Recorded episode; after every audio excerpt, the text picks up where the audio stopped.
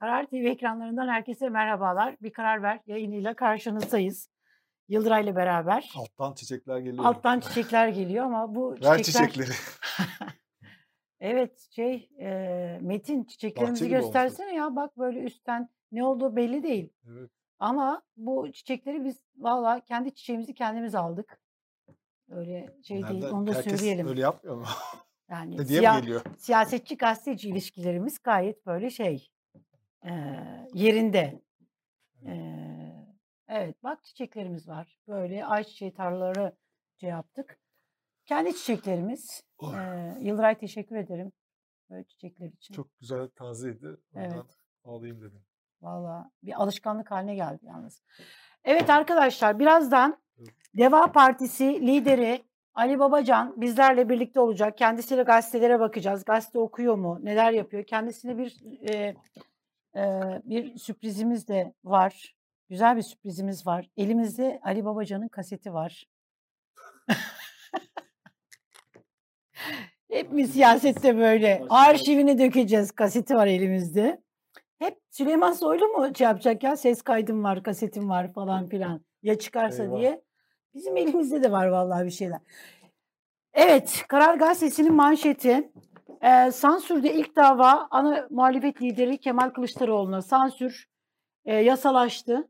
Evet. Ondan sonra ilk dava da eee, ana muhalefet lideri Kemal Kılıçdaroğlu'na geldi, açıldı. Emniyet Genel Müdürlüğü, oysa ki adı geçmiyordu.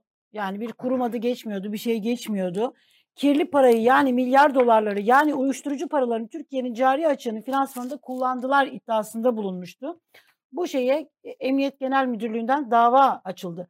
Kemal Kılıçdaroğlu'nun bu ifadesi de bayağı yani bu şeyde ortaya attığı iddia da bayağı bayağı böyle bir şey yani iddia. Eee, umarım böyle hani e, altını doldurabilecek bilgi, belge e, bir şeyleri vardır bilmiyorum. E, İnşallah doğru çıkmaz. Bu çünkü doğru çıkarsa da Türkiye açısından yani kendi ülkemiz açısından çok kötü bir şey. Eee, buradan bir dava geldi. Türkiye böyle sansür, istibdat dönemine doğru adım adım adım adım böyle gidiyor. Yusuf Kara eee, Karamanoğulları, KHK'lar konuşulacak mı? Tabii ki konuşulacak. Türkiye'nin en önemli sorunlarından birisi KHK'lar problemi. Yani eee, ekonomi problemi var, hukuk problemi var, KHK'lar problemi var. Bunu tabii ki konuşacağız. Yani bu kadar büyük milyon insanları etkileyen bir sorunu konuşmamak olmaz. Yıldıray şeye ne diyorsun? Takip ettin mi? Sen Neyi? hani İzmir'e gittin geldin ya belki orada Evet. kaçırmış Deprem olabilirsin. oldu bu arada İzmir'de dün akşam. Herkese çok Gerçekten mi? Sen oradayken mi oldu? Evet. Bayağı Aa, ben- sallandık yani İzmir'de. Gece insanlar sokağa çıktı. Herkes- Gerçekten evet, mi? Evet Sen duymadın mı? Ben duymadım valla. 4.9 deprem oldu İzmir'de. Vallahi Ee, duymadım. bayağı insanlar... Ay çok geçmiş olsun Yıldıray ya. Evet, ben şeye gitmiştim. Ahmet Güneştekin'in Evet. e, Gavur Mahallesi ah, sergi açılışına. Hı hı. E, Tunç Soyer'in ev sahipliğinde. Çok ilginç. O sergi de çok ilginç yani. Öyle bir serginin İzmir'de açılması. E, yani Ahmet Güneştekin'in eserleri hem orada sergilenecek hem de bu e, mübadele ve göç üzerine yeni eserleri e, İzmir Fuarı'nda sergileniyor. E, çok şey yani Ahmet Güneştekin'i çağıralım bir gün yayına. evet çok iyi Aslında olur. şurada Tabii. böyle resim bizim de böyle alanımız var. Tunç Burada Bey'i de davet ettim evet. tekrar. Yani o da Tunç çünkü böyle bir Soyer'i mi? şeye ev sahipliği evet. yapması çok önemli yani Evet. biliyorsun. Yani İzmir tabii yani tabii eee, biraz şey hani İzmir için ağır konular Evet. bunlar. Evet. Ama bu şeyi eee, ev sahipliğini yapıyor ve çok ilginç bir sergi oldu. Bakalım nasıl top, yani İzmirliler ne diyecekler sergiye. Çok kalabalık vardı. Sen Ama akşamında yayın da için böyle yayın için erkenden dönüp geldin. o yüzden sesim biraz şey. Eee 6'da kalktım ama şey bayağı ciddi bir şey oldu, deprem oldu Çok İzmir'de. geçmiş olsun. Hmm, Bir caminin galiba minaresi yıkılmış. Böyle Oysa ki şey. gece biz birde mesajlaştık değil mi? Bir buçuk muydu? Evet. İkiye mi geliyordu? Mesajlaştık ama vallahi haberim yoktu. O yüzden Üçte, böyle. üçte oldu galiba. Üçte, Üç, evet. üç buçuk gibi. Öyle. Evet, e, çok geçmiş olsun. Bu şeyi diyorum, e, e, şimdi anayasa değişikliği için AK Parti böyle kapı kapı dolaşmaya başladı. Bütün partilerin kapısını teker teker tak tak tak Var mı çalıyor. onun fotoğrafı? Onun fotoğrafları var. Arkadaşlar ekrana getirirseniz seviniriz. Ama burada Şimdi Çok enteresan. tarihi bir olay. Evet, enteresan bir şey. Bu da böyle AK Parti'nin tarihine geçecek şeylerden birisi. Evet. Bunun Vay, bir de böyle karşılama fotoğrafı da Vay, var. vay, vay. Bu yandaki şey değil mi ya? Hiçbir şey olmasa da bir şey oldu. Benim gözlüğüm gö- gö- o. görmüyor. O, o değil Ali, mi? Ali İhsan Bey. Ali İhsan Bey. Hiçbir şey olmasa da bir şeyler oldu diyen hukukçu. Burası Cumhurbaşkanı. HDP Genel Merkezi değil mi? Evet. Pardon Yani bir burası dakika. meclisteki salon değil galiba. HDP'nin genel merkezi burası. Bir şey söyleyeceğim. galiba. Adalet Bakanı orada. Bekir O Bozdağ, ortadaki kim? Mustafa Elitaş. Mustafa Elitaş. Hiçbir şey olmasa da bir şey oldu diyen Ali İhsan Bey. O onun mesela hukukçuluğunu Sanki hiçbir şey olmamış gibi HDP'yi ziyaret etmişler. Evet ya. Akıl alır gibi HDP değil. PKK diye e, İçişleri Bakanı tweetler atıyordu e, daha önceki gün. Abi bir de Adalet Bakanı tabii ki anayasa paketi olunca şimdi Hani biz izleyicilerimiz eleştirmiyoruz yanlış ki anlamasınlar yani. Evet. Biz eleştirmiyoruz. Gayet doğru. arkadaşlar Meclisteki grup bir Eee, grup HDP. e, bir arkadaşlar, parti. Tabii ki ziyaret bu arada yayınımızı bir beğenirseniz seviniriz fırsattan böyle hani izleyiciler lütfen daha yayın fazla izlenmesini istiyorsanız yayınımızı beğenin. Beğenmenizi istiyoruz. Hatta böyle yayını sosyal medya hesaplarınızdan paylaşırsanız ondan sonra buna da seviniriz, mutlu oluruz. Arkadaşlar biz biz eleştiriyoruz. Yıldıray da ben de biz bunu eleştirmiyoruz. Doğru olan da bu. Fakat buradaki enteresan olan şey şu. Kardeşim siyaset tamam. Siyasetçi dün dündür, bugün bugündür. Siyasetçinin dilinin kemiği de olmaz. Bir şey söyler, bayağı oportunisttir, pragmatisttir. Bunların hepsi. Ama yani o aradaki böyle hani aradaki makas da açılmaması lazım bu kadar. Şimdi sen HDP terörist diyeceksin, PKK diyeceksin.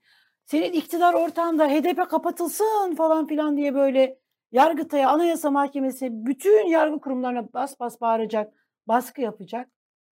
Ondan sonra gele gele HDP geleceksin, anayasa değişikliği için kapısını çalacaksın. Şimdi bu Çünkü fotoğrafı HDP anayasa değişikliğine e, olumlu bakıyor. Çünkü Evet. bu pragmatik bir ziyaret aslında. Yani sadece bir resmi ziyaret gibi değil. Evet. Yani HDP anayasa değişikliğine olumlu baktığını fakat referanduma karşı. Evet. E, o yüzden HDP'nin oylarını almak istiyor AK Evet. Parti. Öyle olunca da muhalefet e, biliyorsun HDP selam verdiğinde e, terör terörle işbirliği oluyordu. Evet. Fakat HDP HDP'ye masanın gidip altındaydı. masanın altındaydı. Evet, Şu an masanın altından çıkartıp sandalyeye HDP koyup karşında, oturtmuşlar. karşında Karşısında. oturuyor. Ama bak ben bir şey daha söylemek istiyorum. Bu aynı zamanda muhalefete de bir mesaj bu fotoğraf. Yani muhalefetin bazı parçaları e, böyle aman HDP ile aynı yerde duramayız, aynı yerde nefes alamayız noktasındalar ya.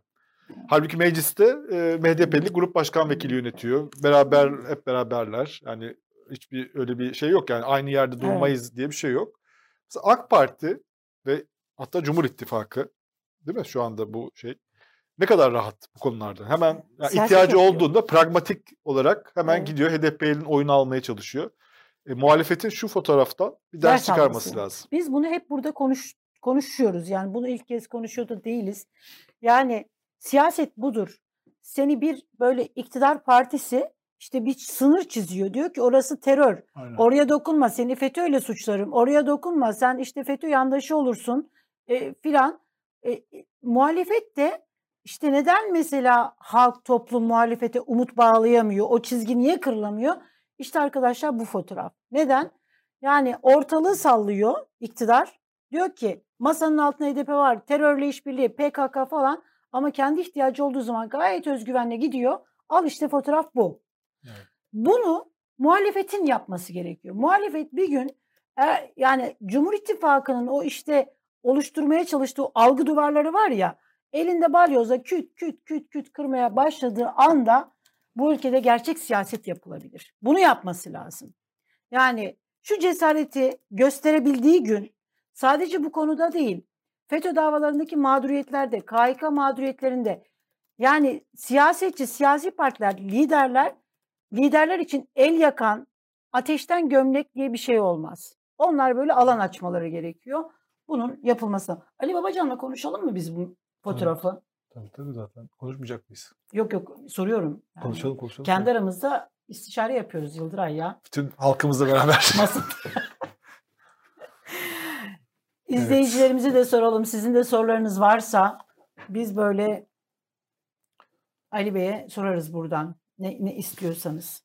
Şey e, e, enteresan geldi Yıldıray. Ya Erdoğan yarın Antep'e gidiyormuş. Hımm. Güzel. Başka güzel bir şey daha var. Ne?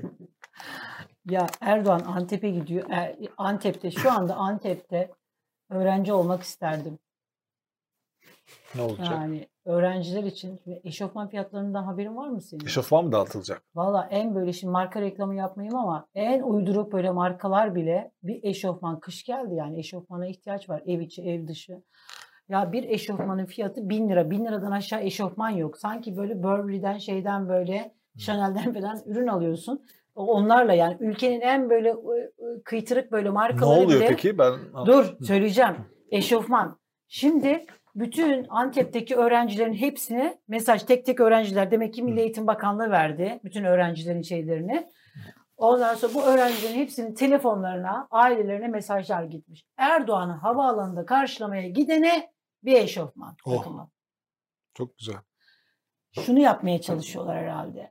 Şimdi gençler giderse AK Parti Gençlerin Partisi. Erdoğan gençler arası çok iyi. Bu kim dağıtıyor bu eşofmanı? Bakanlık mı? Ay, Onu bilmiyorum. Valilik mi? Artık her şey karıştı. Jandarma bile dağıtıyor olabilir. Bence hepsi dağıtıyor. evet, hepsi. Yani Artık bir devlet kısmı- hepsi de devlet değil mi bunların? Tabii Hepsi şeyleri devlet. small bedenleri e, jandarma dağıtıyor olabilir. Medium'ları e, işte mesela şey daha valilik dağıtıyor olabilir. X large'ları emniyet dağıtıyor AK olabilir. Parti il başkanı hiçbir şey kalmadı. AK. Parti başkanı organize ediyor. AK Parti il başkanı ihtiyaç yok zaten. artık, ya tabii o koordinasyon, genel koordinasyon O kurumların kadar koordinasyonsa iyi. Bence öyle bir görevi de kalmadı AK Parti il başkanının bence. Valiler bayağı rol çalıyorlar. AK Parti il başkanlarından. Buradan AK Parti il başkanlarına çağrıda bulunuyorum. Rolleri kaptırmasınlar. Yok. Valiler- iktidar devlet oldular Hmm. Yıldıraycığım. Yani devlet oldular. O devletin şeyinde gayet güzel dinleniyorlar. Devletimize iş mi yaptıracak şimdi jandarma? Ondan sonra valilik. Onlar ne, ne güne duruyorlar? Yani Evet. AK Parti'nin valileri, AK Parti'nin polisleri. Ben yavaş yavaş senin yanına doğru geleyim mi? Ee, konuğumuz konuğumuz geliyorum arkadaşlar. Bir böyle üst kata bir söyleyin. Kapıyı çalın. Ee, kapıyı çalın. Program başlıyor diyerek bir haber verin. Ee, bu eşofman meselesi gerçekten acayip bir şey. Ben Vallahi ben, Sen gider herkes miydin? gitsin.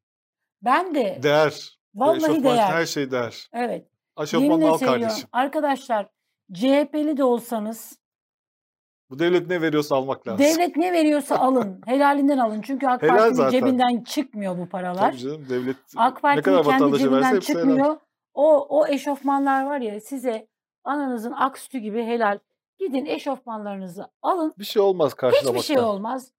Partizanlık falan da olmaz. Bir eşofman Gurur bin- meselesi bin yapmayın lira. yani Gurur arkadaşlar. meselesi yapmayın. Burada böyle burun falan da kıvırmayın. Bin lira sizin cebinizden çıkacak. O eşofmanların parası zaten sizin cebinizden çıkıyor bir de. Alsanız da cebinizden Başkasına çıkacak, gider. almasanız da cebinizden çıkacak. Boş verin, gidin, alın. Hatta bütün kardeşler hepiniz beraber gidin. Herkes eşofman. Hatta deyin ki biz double aile geldik. E, X large bedenlerini de alın, annenize babanıza hediye edersiniz. E, bak diyor ki bir arkadaş Serkan Kozan neredeymiş bu karşım ayrıca gidelim. Kaçırdınız. Havalimanında. Haberlere bak. Antep Sabah gazetesine bakın. Antep. Valiliğe bakın, Antep'teki yerel haberlere bakın. Oradan siz görürsünüz. Antep'te tanıdıklarınız varsa mesajların kopyasını isteyin. Biz de buradayız falan diye. Mutlaka. Zaten sizi bulurlar. Çok acayip bir şey. Şeye ne diyorsun? Bu Nükhet Duru'nun tayt polemiği devam ediyor. Nasıl oraya geçtin ya sen? Abi Türkiye burası ya Yıldıray. Nereden nereye geçtin? Çok içindeyim şu anda. Bir şey söyleyeceğim Tamam. sana. Yani HDP PKK terör örgütlüğünden şeyin ülkenin Adalet Bakanı'nın karşısına oturdu. Jet hızıyla böyle oradan oraya transfer oldu. Ona şaşırmıyorsun da benim şimdi buradan böyle tayt meselesini geçmeme mi şaşırıyorsun ya? Ne olmuş? Mehmet Ali? Erbil de girmiş. Hmm. Yani Allah'ım e, Erbil demiş ki yakışan giysin. Güzel ve uzun bacakları olan giysin. Kilolu olanlar lütfen giymesin demiş. Bugün Olur Yeni abi. Şafak'ta çok güzel bir haber var. Ne var? Ben oraya bakmadım. Erdoğan'ın sırrı ne? Cumhurbaşkanı Erdoğan'ın Putin'i tahıl koridorunun devamlı ikna etmesi batılı ülkelerde hem şaşkınlıkla hem kıskançlıkla karşılandı. haber bu. Nasıl oluyor ya böyle bir haber? Kıskançlıkla karşılandı. Oy oy oy oy. Konuğumuz hazır mı arkadaşlar? Geliyor. Hadi arkadaşlar. Yani Ali Bey herhalde korktu biz kaset maset var deyince elimizde. Böyle ses kaydı, kaset var deyince biraz böyle hani düşünüyor olabilir. Sen gideceğim dizi mi filmini diye izledin mi? Ha, yok izlemedim. Onu izle bence güzel film. Ben şey izlemiştim biliyorsun. Bu işte Kızılcık, e, Kızılcık şeyini Şerbeti. izlemiştim. Şu şey e, ya enteresan bir şey. Parti devletine adım adım. Neyse bunu biz Ali Bey'le konuşalım. Bu de AK Parti'nin kuruluş yıl dönümü biliyorsun. Evet. O da ilginç. Mehmet Emin Ekmen bir tweet atmıştı. O Ne diyor? Acayipti. 2000, 2003'te AK Parti iktidara geldiğinde bir fotoğraf var. Ondan sonra arkadaşlara söylemediğimiz için şu an ekrana getirem, getiremeyiz Onu hazır ama şey yapayım ben. sen bir atayım. a- atsana Onu onu. konuşuruz Ali Bey'le. Konuşalım. Bir de böyle şey vardı. Ee, 3 Kasım çünkü AK 3 Parti, Kasım. AK Parti'nin iktidara geliş yıl dönümü. Evet. Ee, Yıldıray yavaş yavaş buraya gelir misin? Geliyorum. Hadi gel yanıma. Evet, ekranlarını yeni açanlar için Deva Partisi lideri Sayın Ali Babacan e, bizlerle birlikte. E, bu şey Aile ve Sosyal Hizmetler Bakanı Derya Yanık bayağı böyle bir enteresan bir isim. Zaten enteresandı. Enteresanlıkta e, sınır tanımıyor. Şimdi mevzuyu biliyorsunuz. E, Kapıyı kapatabilir miyiz arkadaşlar? Görün şey gelmesin. Ee, şimdi Aile ve Sosyal Hizmetler Bakanı Derya Yanık eşini kaybeden kadınlara, ailelere, kadınlara ücretsiz konut verilecekti sosyal yardım. Fakat bunu da üç çocuk meselesine bağlamıştı. Yani eşini kaybettin, sosyal yardıma ihtiyacın var, eve ihtiyacın var ama iki tane çocuğun var, konut alamıyorsun. Neden? Çünkü iktidarın üç çocuk şartı vardı. Bu bu böyle itirazlar oluştu. Ee, Derya Yanık gayet böyle özgüvenli bir şekilde niye itiraz ediyorsunuz ki demiş. Hoş geldiniz Ali Bey. Hoş bulduk. Teşekkür ederim. Nasılsınız? Ben iyiyim sağ olun. Sizler Ankara'dan nasılsınız? Ankara Ben bayağı böyle hareketli. İstanbul'dasınız. Ben birkaç gündür İstanbul'dayım. Dün e, ile vardı ilgili biliyorsunuz. sorularımıza o zaman yanıt veremeyecek misiniz? Ne Ank- oluyor İki filan? gün öncesiyle alakası verebilirim. Ya şeyle başlayalım. Şimdi biz biliyorsunuz programımızı. Ee, ekranlarını yeni açanlar için Deva Partisi lideri Sayın Ali Babacan bizlerle beraber bir karar ver programında e, kendisini ağırlıyoruz. Ee, Aile ve Sosyal Hizmetler Bakanı Derya Yanık. Ee, o haberi okuyordunuz. Siz de bu haberimizin üzerine geldiniz. Bu eşini kaybeden yani eşi yok kaybetmiş sosyal yardıma muhtaç e, işte konut yardımı, sosyal yardım yapılacak diye hükümet bir şey açıkladı. Fakat buraya bir şart getirdiler. Dediler ki üç çocuk varsa olur, üç çocuk yoksa olmaz dediler. Buna da itiraz edilince niye itiraz ediyorsunuz dedi. Böyle siz bunu nasıl yorumluyorsunuz? şu Olur anda, mu böyle bir şey? şu anda sosyal destek mekanizmalarında o kadar çok çarpıklık var ki. Evet, Yani nerede elinizde tutsanız dökülüyor zaten. evet. Dolayısıyla sosyal e, desteklerin şöyleymiş, böyleymiş yani bir hani bir bakanın yani gelip geçici bir konuşmasıyla ilgili burada uzun uzun bir yorum yapmayı ben doğru görmüyorum ama burada önemli olan nedir biliyor musunuz? Bu- Bunu topyekun nasıl çözeceğiz? Yani ne yapacağız? Ee, bununla ilgili de e, şu anda devletin sosyal yardım, sosyal destek veren 43 ayrı Evet. kurum var biliyorsunuz. Yani Evet. bu 43 kurumdan insanlar destek almaya çalışıyor. Eğer biliyorlarsa, bulabiliyorlarsa. Çoğu da bilmiyor, bulamıyor. E ne oluyor dolayısıyla? İktidar Partisi'nin teşkilatları bu işte gayet güzel aracılık yapıyor. Parti üyelik kartını sana vereyim, gel şuraya imza at. Ondan sonra devletin de şu şu desteklerini biz sana gönderelim diyor. Şu anda sistem %90'ı bu mentaliteyle yürüyor. yani. Evet. Dolayısıyla işte şu aileye destek vereceğiz, bu aileye destek vereceğiz. Bunlar yanlış işler. Biz, biz neyi öneriyoruz? Bakın bizim üç nolu eylem planımız tamamen sosyal yardımlar, sosyal destekler. Burada komple bir çözüm Çocuk öneriyoruz. ay- biz. ayrımı var mı? Yani üç çocuk mesela diyelim ki Böyle bir şey yok. Bizim burada tamamen farklı modelimiz var. Biz ne yapıyoruz burada? Ee, arkada tablolar halinde 90 gün, 180 gün hepsini açıklamış durumdayız. Yani böyle sayfalar dolusu adımlar var. Ne yapıyoruz? Aynı aile hekimine benzer bir network kuruyoruz. Evet. Bu network ne demek? Ee, her bir aile sosyal destek uzmanının sorumlu olduğu aileler oluyor. Hı. 70 bin kişi görevlendiriyoruz Türkiye genelinde. Ve aileler bir ihtiyacı olduğunda alo deyip direkt o sosyal destek uzmanına ulaşabiliyor. İktidar Partisi'nin teşkilatlarına gerek kalmadan. Yani devletin desteğiyle vatandaşı direkt aracısız buluşturuyoruz. Tam da püf noktası bu. Çünkü öbür türlü bu desteği bana Tayyip Kim veriyor diyor. belli Bu desteği bana AK Parti veriyor. Sanki cebinden veriyorlarmış gibi. Devletin imkanlarını partinin imkanı gibi göstermeyle ilgili bir algı operasyonu var burada. Çok ciddi bir algı operasyonu Evet. var. Dolayısıyla biz o aracıyı ortadan kaldırıp direkt devletle vatandaşı buluşturuyoruz ve devletin o destek imkanlarını vatandaşın hakkı olarak tanımlıyoruz. Yani devletin bir lütfu değil. Diyor Devlet vereceğiz. yardım de- devlet bu şekilde kural getirir mi? Üç çocuk şartı ne? Sayın Babacan. Vay- Yani ya böyle bir şey Neresini o- düzelteceksiniz ki? Baştan aşağı yanlış işler yani. Sonra ihtiyacı olan bir tek o kesim mi? İhtiyacı olan başka başka insanlar da var. Biz ne yapıyoruz? Bir asgari gelir desteği sistemi kuruyoruz. Evet. Asgari gelir desteği ne demek? Bir aile diyelim ki tam da bahsettiğiniz durum. Bir anne var. Üç çocuk, iki çocuk veya bir çocuk fark etmez. O ailenin aylık ihtiyacı nedir? Minimum, minimum hayatını sürdürebilmek için. Başkasına muhtaç olmamak için. Nedir? Şu kadar lira mı? O ailenin eline ne kadar geçiyor şu anda? Şu kadar. Aradaki farkı devlet olarak biz ödeyeceğiz diyoruz. Bakın çok adil, çok basit ve tüm toplumu, ihtiyacı olan tüm kesimleri kuşatacak bir yaklaşım bu. Öbür türlü bir aydır Türkiye sosyal desteklerde bununla yatıyor kalkıyor değil mi? Evet. Bu konu. Niye üç çocuk, niye iki çocuk falan filan. Ya ihtiyacı olan o kadar geniş kesimler var ki. Bugün pırıl pırıl gençler üniversiteyi kazanıyor. Sırf devlet bursu çıkmadı diye kayıtlarını yaptıramıyorlar bakın. Bu yıl 850 bin öğrenci üniversiteyi kazandı. 105 bini kayıt yaptırmadı, yaptıramadı. Çünkü ailesinin maddi imkanı onu üniversiteye göndermeye müsait Hı hı. değil. E, o öğrencilerin desteğe ihtiyacı yok mu?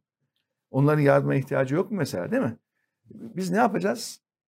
Tüm toplumda asgari yaşam için gerekli neyse onu tespit edip mevcut geliri tespit edip aradaki farkı devlet olarak ödeyeceğiz. Biz de buna asgari gelir desteği diyoruz. Merak edenler için bütün detaylar Deva Partisi hazır. Üç nolu eylem planı devahazır.com girip bütün bunların detaylarına Bir bakabilirler. çocuk da olsa yani. yardım yapacağız. İki Yani çocuk da çocuğu çocuk- olmayabilir de. Ya çocuğu olmayabilir Bu yani. çocuk Yani. meselesi açılınca Hayır bir, bir- gerçekten hani kadın boşanmıştır, tek başınadır, çocuğu da olmayabilir yani. Ama geçimini sağlayamıyordur bir şekilde. Gelmiştir 60 yaşına, 70 yaşına. Geçimini sağlayamıyordur. E, muhtaç mı kalsın yani? Senin çocuğun yok. Zamanında bak e, fazla çocuğun olmamış. Sen devlet yardımına ulaşamadın. Bu ne biçim mantık, ne biçim kafa yani? Gerçekten akıl alır gibi değil ya. Ee, yani çok akıllı gibi olmayan bir şey aklıma geldi bu üç çocuk meselesi açılınca. Yani ben geçen haftalarda Diyarbakır'a gittim. Orada hala bu konu konuşuluyor. Çünkü insanların hafızalarında bir yer ettiği anlaşılıyor bunun. Bu şey meselesi. Siz de ona çok tepki gösterdiniz. Ee, PKK'lıların 10-15 çocuğu oluyor. 5, 10, Ya. 15. Evet. Evet. O yani siz tabii yani Tayyip Erdoğan'ı tanıyorsunuz. Beraber siyaset yaptınız. Yani milliyetçilik konusunda en azından böyle işte milliyetçiliği ayaklarımın altına alıyorum e, diyen işte Kürt meselesinde çözüm sürecini başlatan bir siyasetçiden bahsediyoruz. Tabii. Mesela Merkez duy- Bankası bağımsız olmalı diye. Evet. Biz çünkü Bunu eline- mesela yazıyorduk duyduğunuzda siz ne hissettiniz? Yani böyle bir bu da mı oldu diye bir hisse kapıldınız. Ben mesela öyle bir şey hisse kapıldım. Ha yok ben hiç şaşırmadım ya. Çünkü zihin dünyasını az çok biliyoruz yani. Zihin dünyası öyle. Yani öncelikle şöyle çalışıyor. Benden misin değil misin?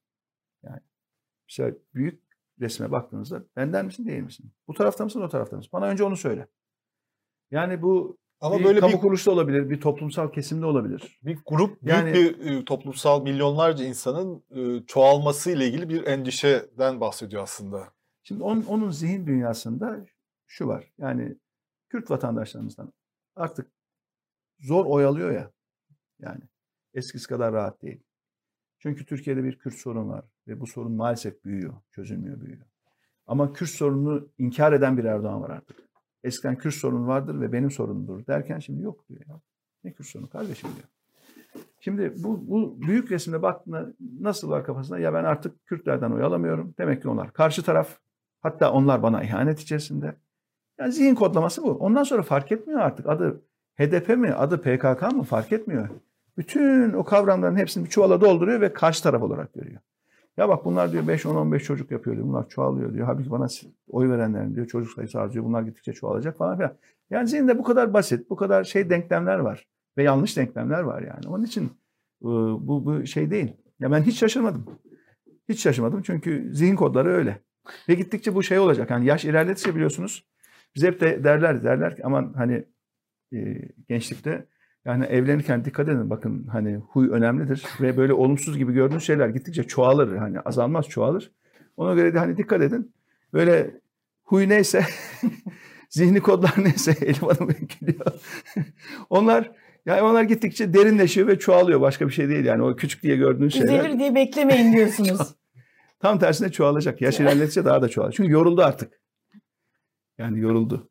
Yani ama ülke de ondan yoruldu yani. Şimdi kendi de yoruldu. Millet de ondan yoruldu. Artık bu seçimde o iş bitsin diyoruz. Onun için bütün bu hazırlık. Biz bunları baştan gördüğümüz için bunları hazırladık. Onun için bu çaba. Deva Partisi niye kurduk? Yani Erdoğan bir gün bu ülkenin sorunlarını çözebileceğine insan inansak Deva Partisi'ni kurar mıydık? Kurmazdık. Ya da muhalefette başka bir partinin bu ülkenin sorunlarını çözeceğine inansak Deva Partisi'ni kurar mıydık? Yine kurmazdık. Ya işte siyasetçiler yapsın bu işi derdik yani. Biz artık kendi işimize bakalım. Siyasetçiler de yapsın. Ama baktık hiçbir şey yok ortada. Yani iktidar tarafında da yok. Muhalefet tarafında da bu parti bu işi tek başına alıp götürüyor. Öyle bir şey de yok. Ya bu iş başa düştü dedik. Kolları sıvadık. Deva Partisi'ni kurduk ve her alanda hazırlıyoruz. İşte biliyorsunuz. Üç nolu eylem planı gösterdim. Bakın artık tek elimle kaldıramıyorum. iki elle kaldırmak zorunda kalıyorum. Eylem planları çoğalıyor. Dün 16'sını açıkladık. En son. KOBİ, Esnaf ve Sanayi Kalkınma Seferberliği Eylem Planı. 87 madde var burada yani. Çünkü yok başka bir şey yok ortada. İyi ki kurduk Yani başka bir şey olmayınca iş başa düştü. Biz yapıyoruz yani İyi ve ki kurduk ya bu bunlar ne yaptık? Altılı masaya da koyduk. Diğer partiler de sağ olsunlar kabul ettiler. Onlar da şimdi bütün çalışmalarını koyuyorlar. Şimdi bunları tek bir çalışma haline getirip Türkiye'ye emanet etmeye çalışıyoruz. İyi ki kurduk tabii. Yani inanın şu an Deva Partisi olmasa Türkiye siyasetinde çok koca bir boşluk olacaktı inanın. Ve ümitsizlik çok daha fazla olacaktı. Yani bizim varlığımız, bu çabamız, katkımız ve ülkenin yarınlarıyla ilgili duruşumuz ve bugünlerle ilgili de korkmadan, çekinmeden konuşuyor olmamız ülkemizin demokrasisine çok büyük bir. Bir şey gösterebilir miyim? Şimdi evet siyasi parti biraz önceki yok gösterebilir miyim derken o şeye Ha, gelmedik. Ben- Şu şey HDP ziyareti onu, tamam, onu gösterelim. Şimdi biz Yıldıray'la da burada çok böyle ko- konuşuyoruz. Ee, Defalarca böyle konuştuk. Türkiye'nin tabii böyle bir kutuplaşma siyaseti ve iktidarın elinde o kadar güçlü böyle silahlar var ki vatan hainliği, işte PKK, terörist, FETÖ'cü filan bir sürü böyle elinde şey var. Herkesi kime uyarsa onun alnına böyle yapıştırıyor. Bundan vatandaş olarak hepimiz korkuyoruz tabii ama vatandaşın dışında sanki böyle siyasetçiler içinde onlar cız şeyi gibi. Şimdi mesela HDP meselesi. Ee, altılı masasının altılı masayı her gün iktidar e, kanadı eleştiriyor. Tayyip Bey eleştiriyor. Tayyip Bey'in bakanları eleştiriyor. Diyor ki o masanın altında HDP var, PKK terör örgütü var. Dediler dediler iktidar orta işte Devlet Bahçeli diyor ki kapatın bu partiyi filan yar, yar, yargıya talimatlar veriyor. Fakat şimdi anayasa ve gittiler. Arkadaşlar bir fotoğrafı getirebilir misiniz? Gayet mutlu mesut böyle hani bu akşam uygunsanız size otura, oturmaya gelebilir miyiz denmiş ve gitmişler. Gayet de güzel güzel oturuyorlar. Evet. Siz bu fotoğrafı görünce ne hissettiniz? Yani benzer fotoğrafı her gün e, yandaş kanallar diyelim, Hı hı. hükümete yakın televizyon kanalları e, benim ve HDP eş başkanlarının görüntüsünü vererek neredeyse işte bunlar PKK ile beraber diye yayın Evet. yapıyorlar. Evet. Yani aynı fotoğrafı alın, Sizin ziyaretlerinizden alın taşıyın işte devlet kanal devlet Evet. televizyon kanallarına aynı fotoğrafı alın taşıyın. Benzer şekilde yaklaşın işte AK Parti PKK ile oturuyor yani. Şimdi kendileri bu görüşmeleri yaparken hiçbir şey yok. O iki seçim arası 2015 iki seçim arası iki tane HDP'den bakan hükümette görevlendirirken hiçbir şey yok. Değil mi? Ee, ama başka bir parti başka HDP ile temas kurduğu zaman vay işte bunlar dememiş mi PKK ile beraber. Yok masanın altında PKK var, HDP var falan filan. Tamamen bunlar böyle propaganda e, malzemeleri. Başka e, hiçbir şey değil yani. İşlerine gelince demokrat, işlerine gelmeyince otokrat. Şimdi bakıyorlar mecliste kendi çoğunlukları yok. Yetmeyecek. Anayasa Bir değişikliği. de seçime doğru giderken işte bakın kucaklayıcı oluyoruz falan filan. Yani seçime giderken kucaklayıcı, seçimden sonra tekmeyi bas gönder yani şey böyle öyle öyle çalışıyor. Bu fotoğraf Onun için- peki sizce e, muhalefete de bir mesaj mı? Yani vermeli mi? Altılı Çünkü AK. Parti, iktidar e, siyaset için çok pragmatik hamleler yapabiliyor. E, alt, yani muhalefet ise mesela HDP ile ilişkilerde e, yani muhalefetin bir kısmı en azından e, Bir daha kısmı, bir kısmında biz çok rahatız. Evet. Yani biz Çok e, şey değil, Biz böyle- HDP eş başkanlarıyla genel merkezimizde iki defa görüşme yaptık. Ortak basın toplantısı yaptık. Arkadaşlarımız ara ara oturuyorlar, çay kahve içiyorlar. Konuları görüşüyorlar. E, diyalog kanallarımız açık. Dolayısıyla bizim öyle bir derdimiz yok. Yani sizce bu fotoğraf Yani bu zaten sorun- olması gereken bir fotoğraf aslında değil mi? Yani E, burada bir olması sorun yok. gereken bu ama burada hani AK Parti değil de başka bir parti oturursa bu kareyi alıp PKK'nın e, uzantılarıyla evet, oturuyordu. PKK'nın uzantılarıyla oturuyorlar diye cayır cayır yayın yapıyorlar. Televizyon, kendi kontrolündeki televizyon kanallarında ve gazetelerde manşet işte. AK Parti PKK ile Peki oturuyor. seçime Yani şimdi- doğru en son bu Türkiye Yüzyılı toplantısında da Hmm. Cumhurbaşkanı yaptığı konuşma ve verdiği mesajlarla böyle seçime doğru bir işte uzlaşma, hoşgörü, kutuplaşmaya karşı böyle bir kampanya ile bitecek AK Parti sizce? Yani diğer seçimden farklı olarak, diğer seçimlerden. Yani şöyle işin muhtemelen iletişim tarafında olanlar işte Erdoğan'ın önüne prompterdan akacak öyle metinler koyuyorlar. Ama bu onun kendi zihin dünyasını değiştirmiyor ki. Türkiye'ye bakışını da değiştirmiyor, siyasete bakışını da değiştirmiyor. Kendi e, tamamen e, tek başına verdiği kararlarla ülkeyi yönetme iradesini de değiştirmiyor yani. Ne diyor? Yeni anayasa diyor değil mi? O, o oradaki ifadelerden birisi de yeni anayasa. biri o. Vaatlerden birisi yeni anayasa. Ama yeni anayasa vaadini aslında ne zaman açıkladı? E, Şubat 2021'de. Yani biz parlamenter sistemle ilgili partiler arası ortak bir çalışma başlıyoruz, başlatıyoruz diye ilan ettik. Ocak 2021'de. Tam dört gün sonra da Erdoğan çıktı bize cevap olarak biz de yeni anayasayı başlatıyoruz dedi. Aradan bir yıl dokuz ay geçti. Nerede yeni anayasa? Niye bir sonraki yüzyıla bırakıyor ki? Biz kendi parlamenter sistemimizi çalıştık, bitirdik aslanlar gibi. İşte kendi çalış Deva Partisi'nin çalışması dedik. Altılı masaya koyduk. Altılı masadan bu çıktı. Biz açıkladık. Bir yıl dokuz ay sonra yeni anayasayı gelecek yüzyıla bırakıyor yani. Şimdi bu, bu samimiyet değil ki. O günü idare edecek bir laf kalabalığı açıkçası. Şimdi Yani altılı şey masada siz tabii ki çok önemli şeyler konuşuyorsunuz. Ee, mesela altılı masaya bu fotoğraf gelmeli mi? Yani arkadaşlar yani bu fotoğraf bize bir şeyler söylüyor. Biz daha bu konularda cesur olmalıyız. Yani bu algıları, bu şeyleri yıkmamız lazım ee, gibi. Mesela şöyle- sizin ev sahipliğinizde olacak. Yani Şimdi- bu fotoğraf çünkü Hı. gerçekten Yıldıray'ın da söylediği gibi muhalefet partileri yani sizlere altılı masaya e, çok büyük mesaj veriyor aslında. Yani e, bir şey söylüyor. Şöyle şimdi altılı masa biliyorsunuz e, ben biraz artık altılı masayı e, konsensusla çalışan, mutabakatla çalışan çok taraflı e, kuruluşlarla biraz artık mukayese ediyorum, bakıyorum. Öyle oralardaki iyi tecrübeleri bu tarafa taşımaya çalışıyoruz. Buralarda ne var? Mesela diyelim ki OECD mutabakatla çalışır, Evet. G20 mutabakatla çalışır, Avrupa Birliği mutabakatla çalışır, NATO mutabakatla çalışır. Orada bir masanın ortak gündemi vardır ama masada oturan ülkelerin her birinde kendi ayrı münferit gündemi vardır. Dolayısıyla HDP konusu altılı masanın ortak gündem konusu değil. Bugün değil.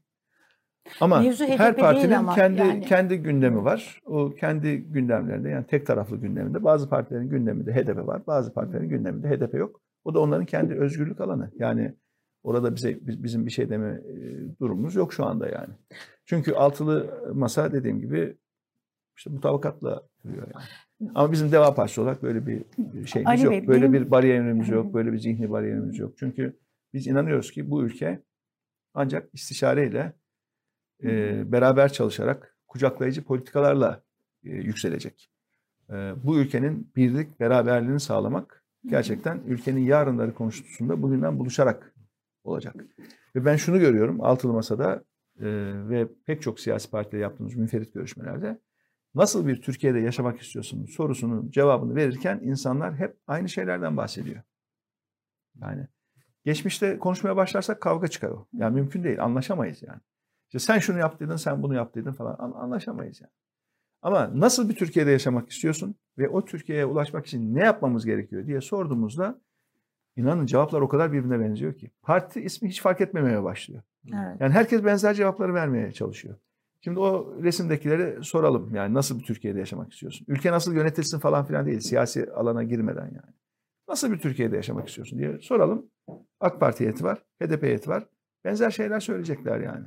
Benim sormak istediğim aslında tam olarak şuydu. Yani mevzu HDP değil. Yani iktidarın elindeki düşmanlaştırma e, işte, Evet. kavramları, söylemleri. Ama her hafta bir düşman Siyasetleri, oluyor evet. zaten biliyorsunuz. Şimdi Haftanın bunlara düşmanı. karşı biraz altılı masanın daha böyle HDP bunlardan birisi işte. HDP dediğiniz zaman PKK terör İşte KHK mevzusu var.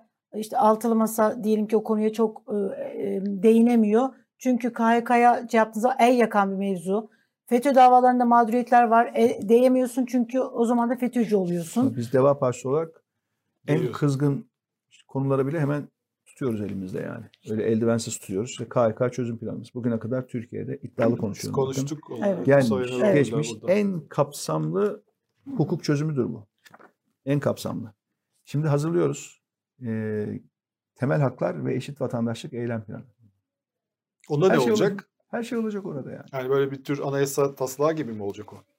Ee, anayasa taslağımız zaten var. Kendi anayasa taslağımız. Ee, ve Altılı Masa'nın da ortak bir anayasa taslağı şu anda çıkıyor biliyorsunuz.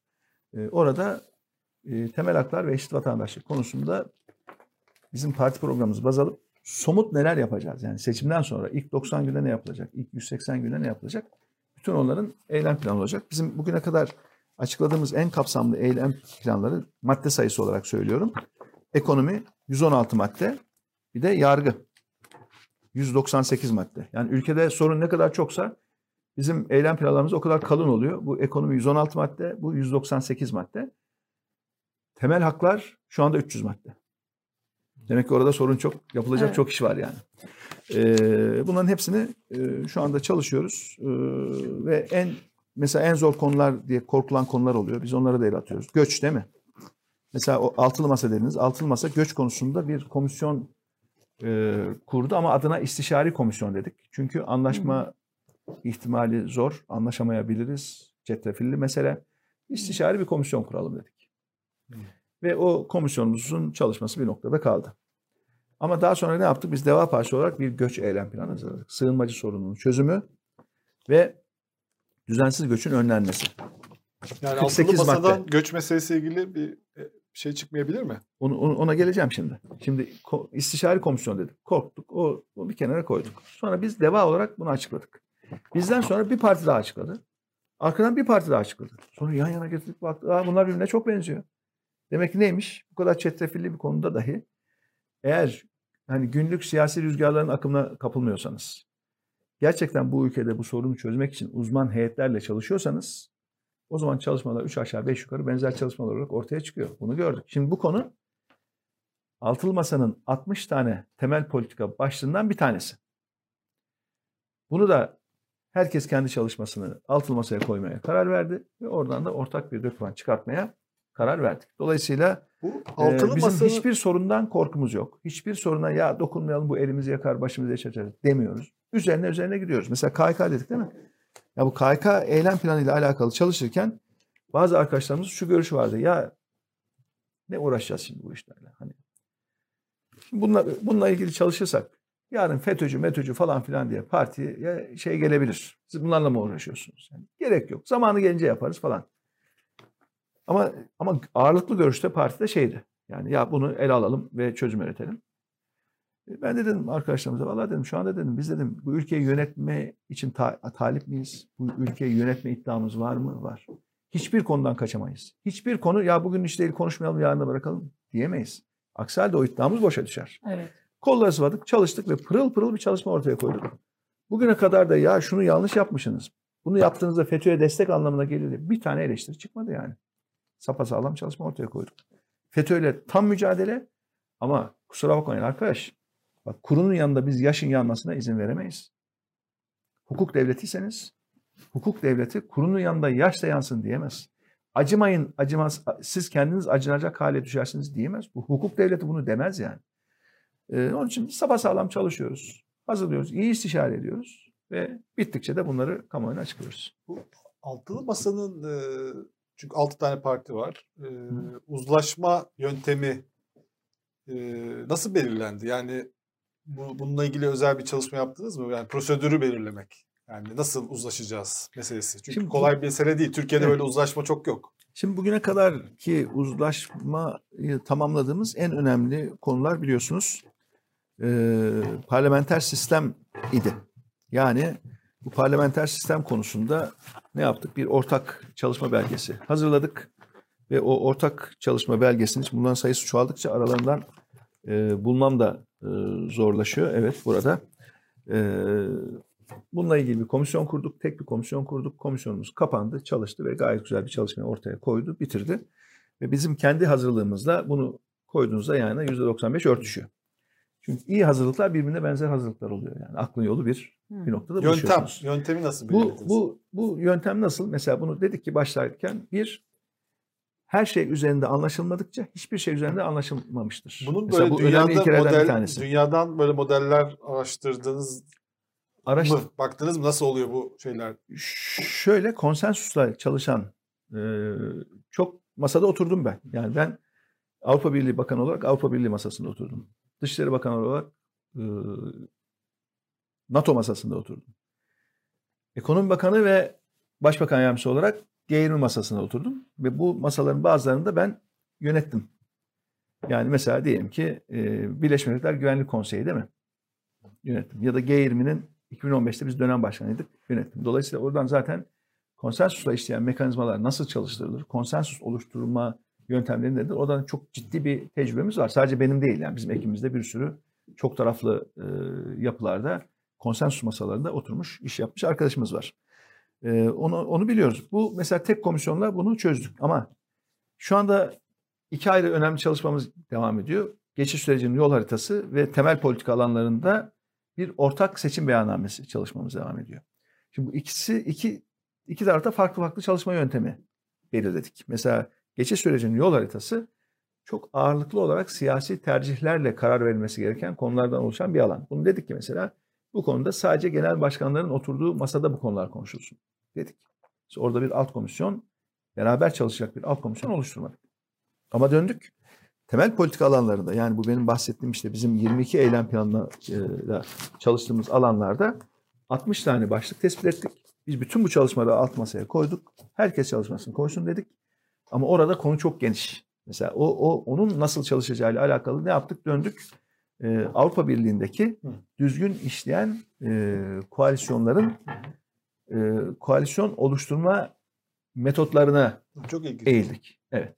Yani düzgün çalışan e, koalisyonlarda koalisyondaki partiler nasıl bir araya geliyorlar?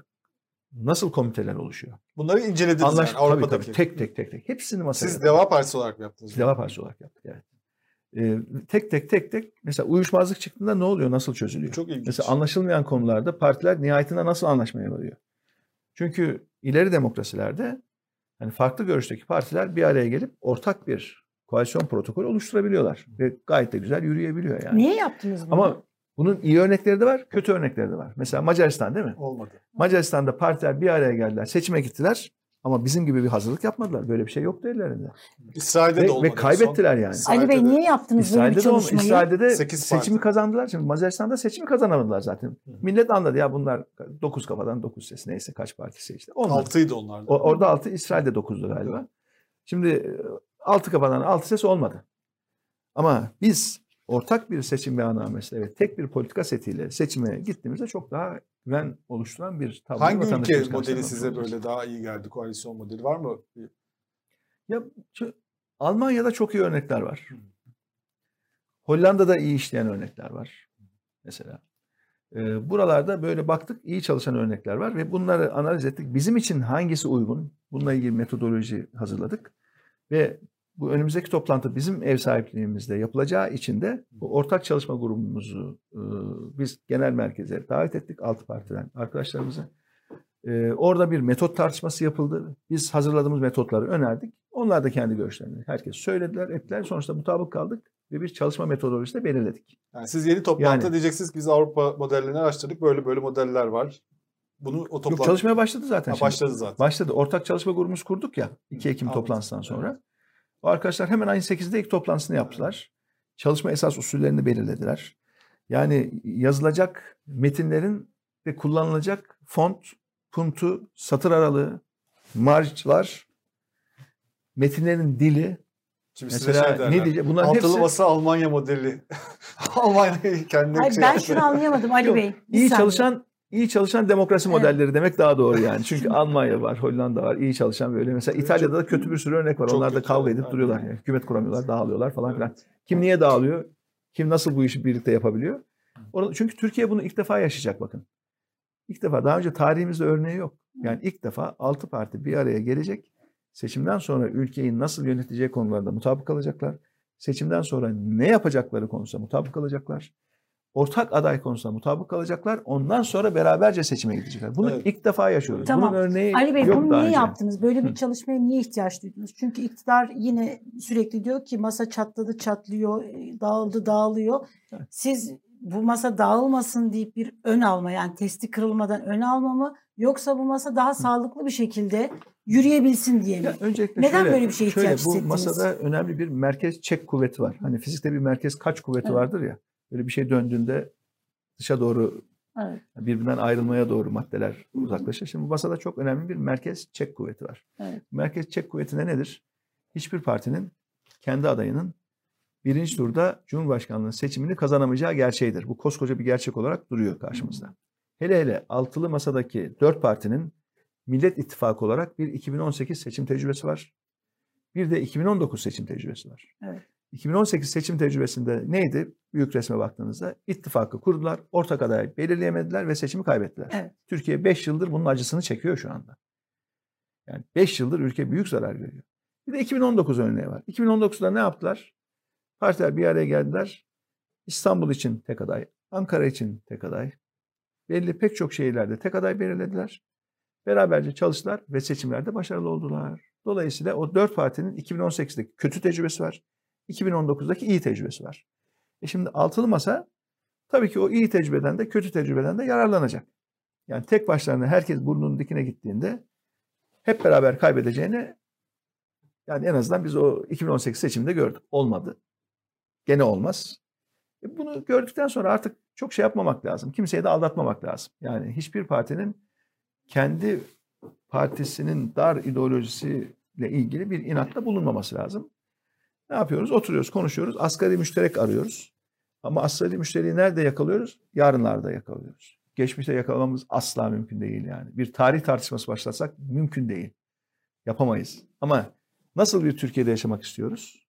Ne yapmamız lazım bu ülke için? Dediğimizde anlaşıyoruz ve anlaşa anlaşa yürüyoruz yani. Bu şu demek mi aynı zamanda? Şimdi hani e, 2018 örneği, 2019 e, örneği o halde hani biz bu masa toplantılarının ilk başladığı zamanlarda mesela diyorduk ittifak içinde ittifak çoklu aday da olabilir, tek ortak aday da olabilir.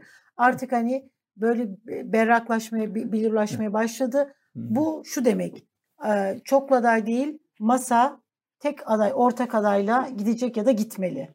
Tabii şu Ali- anda zaten biz bunu defalarca her toplantıda deklar ettik. Hatta en son 2 Ekim toplantısında kuvvetli ifadelerle tekrar ettik yani. Bu masanın ortak adayı olacak ve bu ortak aday da bu ülkenin 13. Cumhurbaşkanı olacak dedik. Çünkü bu konuda masada bir irade gevşekliği yok. Yani ortak aday olmadan hiçbir partinin tek başına çıkarttığı adayın birinci turda seçilemeyeceğini herkes görüyor. Tayyip Erdoğan da seçilemiyor. 2018'de seçilebilir miydi? Yani Tayyip Erdoğan seçime AK. Parti'nin AK Parti'nin aday olarak gitseydi seçilebilir miydi? Onun için mecburen MHP'nin kahrını çekmek zorunda kalıyor. O Yani tam bu ya kahrını Bah- Bahçeli Bahçeli ama ne oldu? O ortaklık uğruna da ne yaptı? AK Parti seçmenin oyunu aldı. Desteğini aldı. Ama iradenin anahtarını da gitti Bahçeli'nin eline verdi şimdi. Dolayısıyla niye o böyle oldu? Çünkü baştan konuşmadılar. Yani AK Parti ile MHP'nin ortaklığı garip bir ortaklık. Yani bir tane şöyle ortak bir ittifak dokümanı ben görmedim bugüne kadar. Hani AK Parti ile MHP beraber nasıl yönetecekler bu ülkeyi? Beraber seçime girdiler. Niye bir tane MHP'li bakan yok? Niye Erdoğan istediği halde Bahçeli bir tane bakan ismi vermiyor? Bu Çok garip bir ortaklıktan bahsediyoruz burada yani. Ama İşte kendilerine sor. Ben kendilerine soruyorum zaten onları sormak lazım. soramıyoruz. Yani soramıyoruz. bu normal bakın normal bir ortaklık değil yani. Normal bir ortaklık değil. Bakan ismi vermiyor Yani. ama bir taraftan da kimden rahatsızsa AK Parti sürekli aday feda ediyor. Yani Grup Başkan Vekili en son. Gitti. belki böylesi işine geliyor yani. Çünkü e, belki de başarısızlığın ortağı görünmek istemiyor yani. Şimdi enflasyon işte dün açıklandı. 24 yılın en yüksek enflasyonu. Yani TÜİK'in örtmeye çalıştığı, kamufle etmeye çalıştığı enflasyon e, TÜFE'de e, çıktı yüzde 85'e. Gıda enflasyonu çıktı yüzde 99'a. Tera, kuyruğu terazisi mübarek yani yüzde 99 olarak ölçüyorlar falan. Neyse. E, üfede de çıktı yüzde 157'ye değil mi? E şimdi bir tane MHP'li bakan yok ki hani insanlar dönsün ya arkadaş bak sen bu alanı batırdın falan diyecek. Dolayısıyla hem iktidara ortak olayım, iktidarın bütün menfaatlerini sağlayayım, nemalanayım, e, kadrolaşayım devlette ama hiç sorumluluk üstlenmeyeyim. Yani tipik böyle Bahçeli şey yani oyunu çok Peki şey değil. bu e, Ama Erdoğan da ona katlanmak zorunda kalıyor. Yanlış iş. Halbuki biz ne yapıyoruz? Arkadaş bak beraber yöneteceksek bu ülkeye gelin her şeyi bugünden konuşalım ya. Hiçbir şeyi sonraya bırakmayalım. Bakın e, şurada 100 metre ötede 10 kişinin çalıştığı bir şirket düşünün. O 10 kişinin çalıştığı şirketin bir ortaklık mukavelesi vardır. Bir ortaklık sözleşmesi vardır. Hı hı. 30 sayfa, 40 sayfa en az, en az. Evet. Ya 10 kişinin çalıştığı bir şirket ya. 85 milyonluk ülkeyi yönetecekseniz ve ortak yönetmek istiyorsanız bunun bir ortaklık sözleşmesi gerekir yani. O, o bir, bir sayfaya falan sığmaz o işler. Onun için diyoruz bunları çalışmamız lazım. Onun için ortak politika dokümanları hazırlamamız lazım. Onun için ülkeyi nasıl yöneteceğimizle ilgili bir protokol lazım. Yani bugünden anlaşalım. Bugün olmazsa adı ittifak diye başlar. Sonuçta ihtilaf diye biter bu. Ve millette büyük bir hayal kırıklığı oluşur bakın. Çünkü şu anda demokrasiyi isteyenlerin sadece seçimi kazanması yetmiyor. Demokrasi isteyenlerin seçimden sonra ülkeyi de kazanması gerekiyor. Eğer ülkeyi kazanamazsak, yani seçimlerden sonra başarılı olamazsak, başarı üretemezsek, insanlar bakar tekrar bir başka tek adam arayışına girer. Ya biz demokrasi dedik, kucaklayıcı hükümet dedik ama bunlar da iyi insanlar ama yönetemediler ya, ellerine yüzlerine bulaştırdılar derler bize yani. Peki Ee, altılı onun için- masa onun heyecan için- yaratıyor mu? Siz mesela masadan baktığınız zaman vatandaşa bakıyorsunuz. Heyecan yaratıyoruz ya biz diyor musunuz? Ya şöyle Görüyor ben musunuz? Türkiye'nin her yerini dolaşıyorum. Hı hı. 81 ilde bugün bizim il başkanımız var. 737 ilçede ilçe başkanımız var. Ankara'da mesela 25 ilçede 25 ilçe başkanımız var. Bunu yapabilen 3-4 tane parti var Türkiye'de yani. Birisi de biziz. Bakın. Çok önemli. Her yerde olabilmek herkesin harcı değil. Yani Siirt'in ana meydanında coşkulu büyük bir miting yapıp 6 gün sonra Trabzon'un ana meydanında büyük coşkulu miting yapmak herkesin harcı değil. Yapamıyor. Ya Olmuyor yani yapamıyorlar. Çoğu parti yapamıyor bu işleri. Her yeri geziyoruz. Ve gittiğimiz yerlerde iki türlü telkin duyuyoruz vatandaşlarımızdan. Birinci telkin aman altılı masayı bozmayın. Aman ne olur çok önemli. Bu önemli bir mesaj bizim için. Ama ikinci telkin başka mahallelere girdiğimizde, başka sokaklara girdiğimizde ya da başka şehirlerde de ya siz altılı masada niye oturuyorsunuz? Altılı masada niye oturuyorsunuz? Asıl ana mesajı da, mesajı da nedir? Yani CHP'nin yanında sizin ne işiniz var? ne Yani işiniz var? açık açık Ne açık var? mesaj bu. mesela? Açık mesaj bu. Vatandaşlarımız haklı çünkü her partiyi geçmişiyle değerlendiriyorlar. Her parti genel başkanını kimliklerle değerlendiriyorlar ve diyorlar ki ya siz nasıl? Biz de diyoruz ki ya bir dakika geçmişimizde zaten biz anlaşamayız ki. Yani hani CHP değil diğer partilerle de zor anlaşırız geçmişte bak. O, o siyasetçilerin geçmişte savundukları, yaptıkları, ettikleri konuşmaya başlarsak anlaşamayız yani. Mümkün değil. Peki Yani diyelim ki biz hani ekonomide çok başarılı işler yaptık biliyor musun? Biliyorsunuz yani bütün dünya tescil etti. Ama belki bizim geçmişte ekonomide yaptıklarımızı tartışmaya başlasak altılı masada orada da anlaşamayabiliriz yani. Yeni fikirler vardır, farklı fikirler vardır, saygı duyarız. Biz ne yapıyoruz? Yarınlarda mutabık kalmaya çalışıyoruz. Zaten yarınlarda mutabık kalamazsak ortak aday diye bir şey olmayacak ki. bu e, Ya İkna oldu yarınlarda- Yarınlarda mutabık kalmazsak altılı masa diye de bir bir şey şey olmayacak zaten. miyim? Ya biz bunu dilimiz döndüğünce anlatıyoruz ama, ama insanlar şu var yani görmeyince bazılarının anlaması zor. Şimdi Görmeleri gerekiyor. CHP ile Yani görmeyince anlamaları zor. Dolayısıyla bir, bunu bir şey görmeleri yeri göstermemiz geldi. Ee, Bu CHP ile niye yan yana oturuyorsunuz diye soruluyor. Evet. Ee, bunu her yani bütün sağ partilere soruyorlar herhalde Tabii. vatandaşlar. Özellikle sağ vatandaşlar. Ee, mesela Kılıçdaroğlu'nun bu helalleşme adımları, işte başörtüsü meselesiyle ilgili yaptığı açılım, bunlar sizin işinizi kolaylaştırıyor mu? Yani CHP'deki değişim. Onu nasıl Ya yorumluyorsunuz siz? şöyle biliyorsunuz bir, bir Kemal Bey'in e, yapmak için mücadele ettiği önemli bir açılım var. Yani bu helalleşme tabirinin içinde ne var? Yani biz eski hatalarımızın farkındayız. Yanlışlar yaptık. Gelin helalleşelim ve yeni bir Türkiye'ye doğru yürüyelim. Yani biz o mesajı görüyoruz ve bunu da samimi buluyoruz. Yani bu laf olsun diye hani seçimi kazanmak için edilmiş bir laf da değil. Zaten başkası gerçekçi de değil. Çünkü hani hani Cumhuriyet Halk Partisi'nin geçmişte yaptıklarını yarına projekte edildiniz ettiğinizde geçmişte yaptıklarımızın biz aynısını yarın da yaparız dediklerinde yani bu ülkede seçimi tek başlarına kazanmalarının zor olduğunda kendileri de görüyor olsa gerek yani. Ama geçmişten ders almak da bir erdem. Yani biz de kendi geçmişimizden ders alıyoruz. Biz de ya bak şurada belki hata yaptık diyoruz. Bunun daha iyisi şöyle olabilirdi diyoruz. E, dünya değişiyor, Türkiye değişiyor, toplum değişiyor. Gençlerin bambaşka şimdi talepleri var, beklentileri var. Gençlerin yaşamak istediği bir Türkiye tanımı var. Onun için geçmişteki bütün bu olumlu olumsuz tecrübelerden istifade edip yepyeni bir Türkiye vizyonu çizebiliyor muyuz? Çünkü Şu anda bu, mesele bu. bu başörtüsü Ve bunu eğer şöyle yapabilirsek yani farklı kimlikleriyle bilinen, farklı geçmişleriyle bilinen partiler bir araya gelip de ortak bir Türkiye vizyonunda buluşuyorlarsa bu çok kıymetli bir şey. Bu Türkiye için birleştirici, buluşturucu bir siyasi hamle aynı zamanda. Yani kutuplaştırmaya çalışan bir iktidar var. Benden misin, senden misin düşman ilan eden her gün bir iktidar var. Ama bu tarafta da hani farklı geçmişlere, farklı kimlikleriyle bilinen, çünkü kimlikler de değişebiliyor, evrilebiliyor zaman içerisinde. Onun için geçmiş kimlikleriyle bilinen diyorum. Partilerin beraberce ülkeyi yönetme iddiası var. Bu- Şimdi bunu biz çok bu- çok çok kıymetli görüyoruz. Bu başörtüsü meselesi e, aslında e, sizin için özel olarak önemli. Çünkü sizin alanınız Türkiye'deki ilk başörtüsü sorunu yaşayan öğrenci. E, 1970-60'larda galiba. 67. 67'de hı. Hatice Babacan. O, Doğru. E, ilk üniversiteye sizin dedeniz onu gönderiyor ve orada bir e, sorun Evet. yaşıyor ve olaylar oluyor falan. Bayağı ilk başörtüsü mağduru diyebileceğimiz insan. Doğru. O mesela nasıl hiç onunla konuştunuz mu? O Kılıçdaroğlu'nun bu başörtüsü açılımı ya da bu meselenin artık çözülmesi nasıl bakıyor? Ya şöyle e, biz kendi halimizde iki nesil olarak yaşadık bu başörtüsü sorunu. Yani bir halamların nesli. E, benim Hatice Babacan olan halam yani başörtüsü sorunuyla o zaman anılan ve büyük bir mücadele veren e, halamın nesli var. Mesela onun bir de küçük halam var benim. O da e, eczacı. Ama diplomasını 4-5 sene önce alabildi. Şu anda 4-5 sene yaşı önce. evet şu anda yaşı 65 sanırım. Allah Allah. Evet yani 60 yaşına kadar mezuniyet belgesiyle eczacılık yaptı. Çünkü başörtülü eczacı fotoğrafını 4-5 sene önce daha şey yapabildi yani. Çok yeni. Yani ondan sonra büyük bir şeyle hani ağlayarak gitti eczanesine e, onu astı. E, neyse zor zor konular yani. Şimdi biz o nesilde bir yaşadık halamların neslinde. Ama bir de kız kardeşlerimin neslinde yaşadık. Yani benim büyük kız kardeşim ODTÜ bilgisayar mühendisliği mezunu. O bir yaşadı. O Allah'tan bir zamanda mezun olabildi. Ama bir küçüğü mesela bir dönem uzatarak mezun olabildi. Bunları yaşadık. E, zor dönemler ama biz bunları bakın hiçbir zaman bir siyasi mesele haline getirmedik. Bizim ailede bir parti üyeliği dahi yok bakın.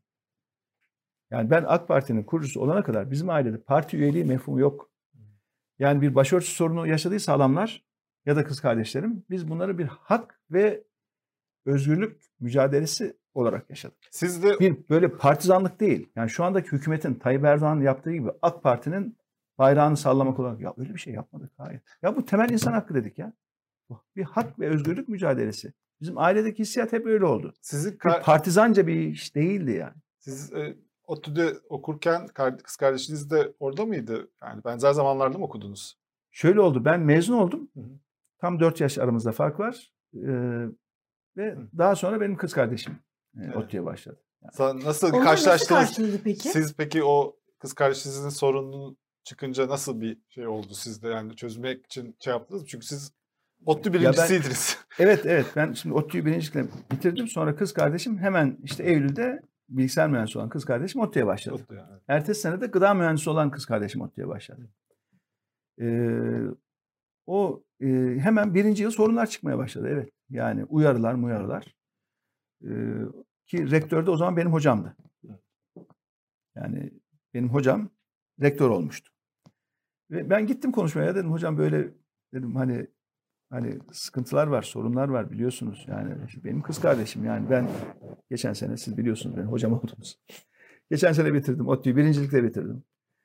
Ee, şimdi kız kardeşim, o da kız kardeşim de TED'i üçüncülükle bitirdi.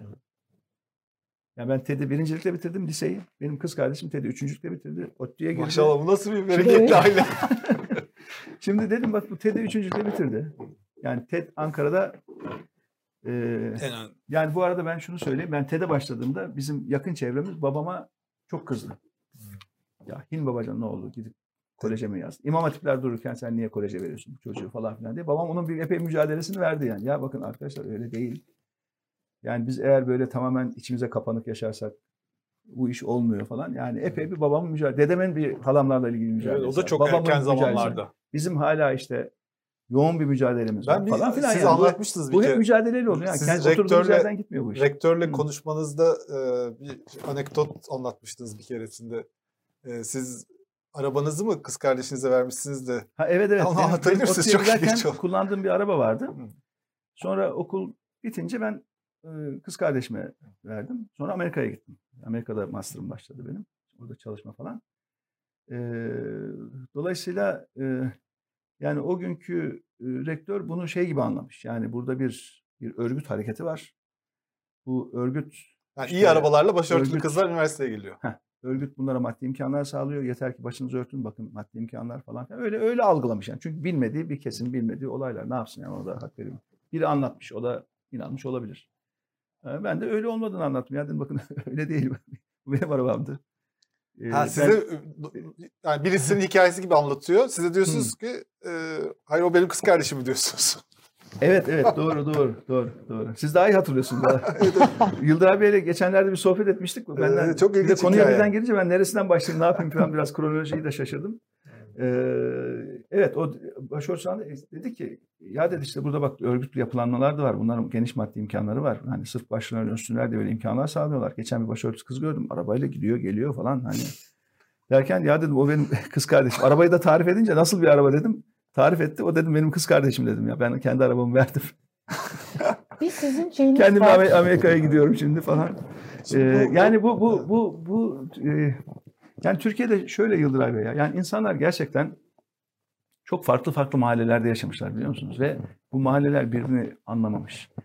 Ve bir mahallenin insanı iktidar olduğunda öbür mahallenin insanını ezmiş. Sonra bir başka iktidar gelmiş bir mahallenin iktidarı. Dönmüş öbürlerini ezmiş. Biz buna nöbetleşe zorbalık diyoruz yani.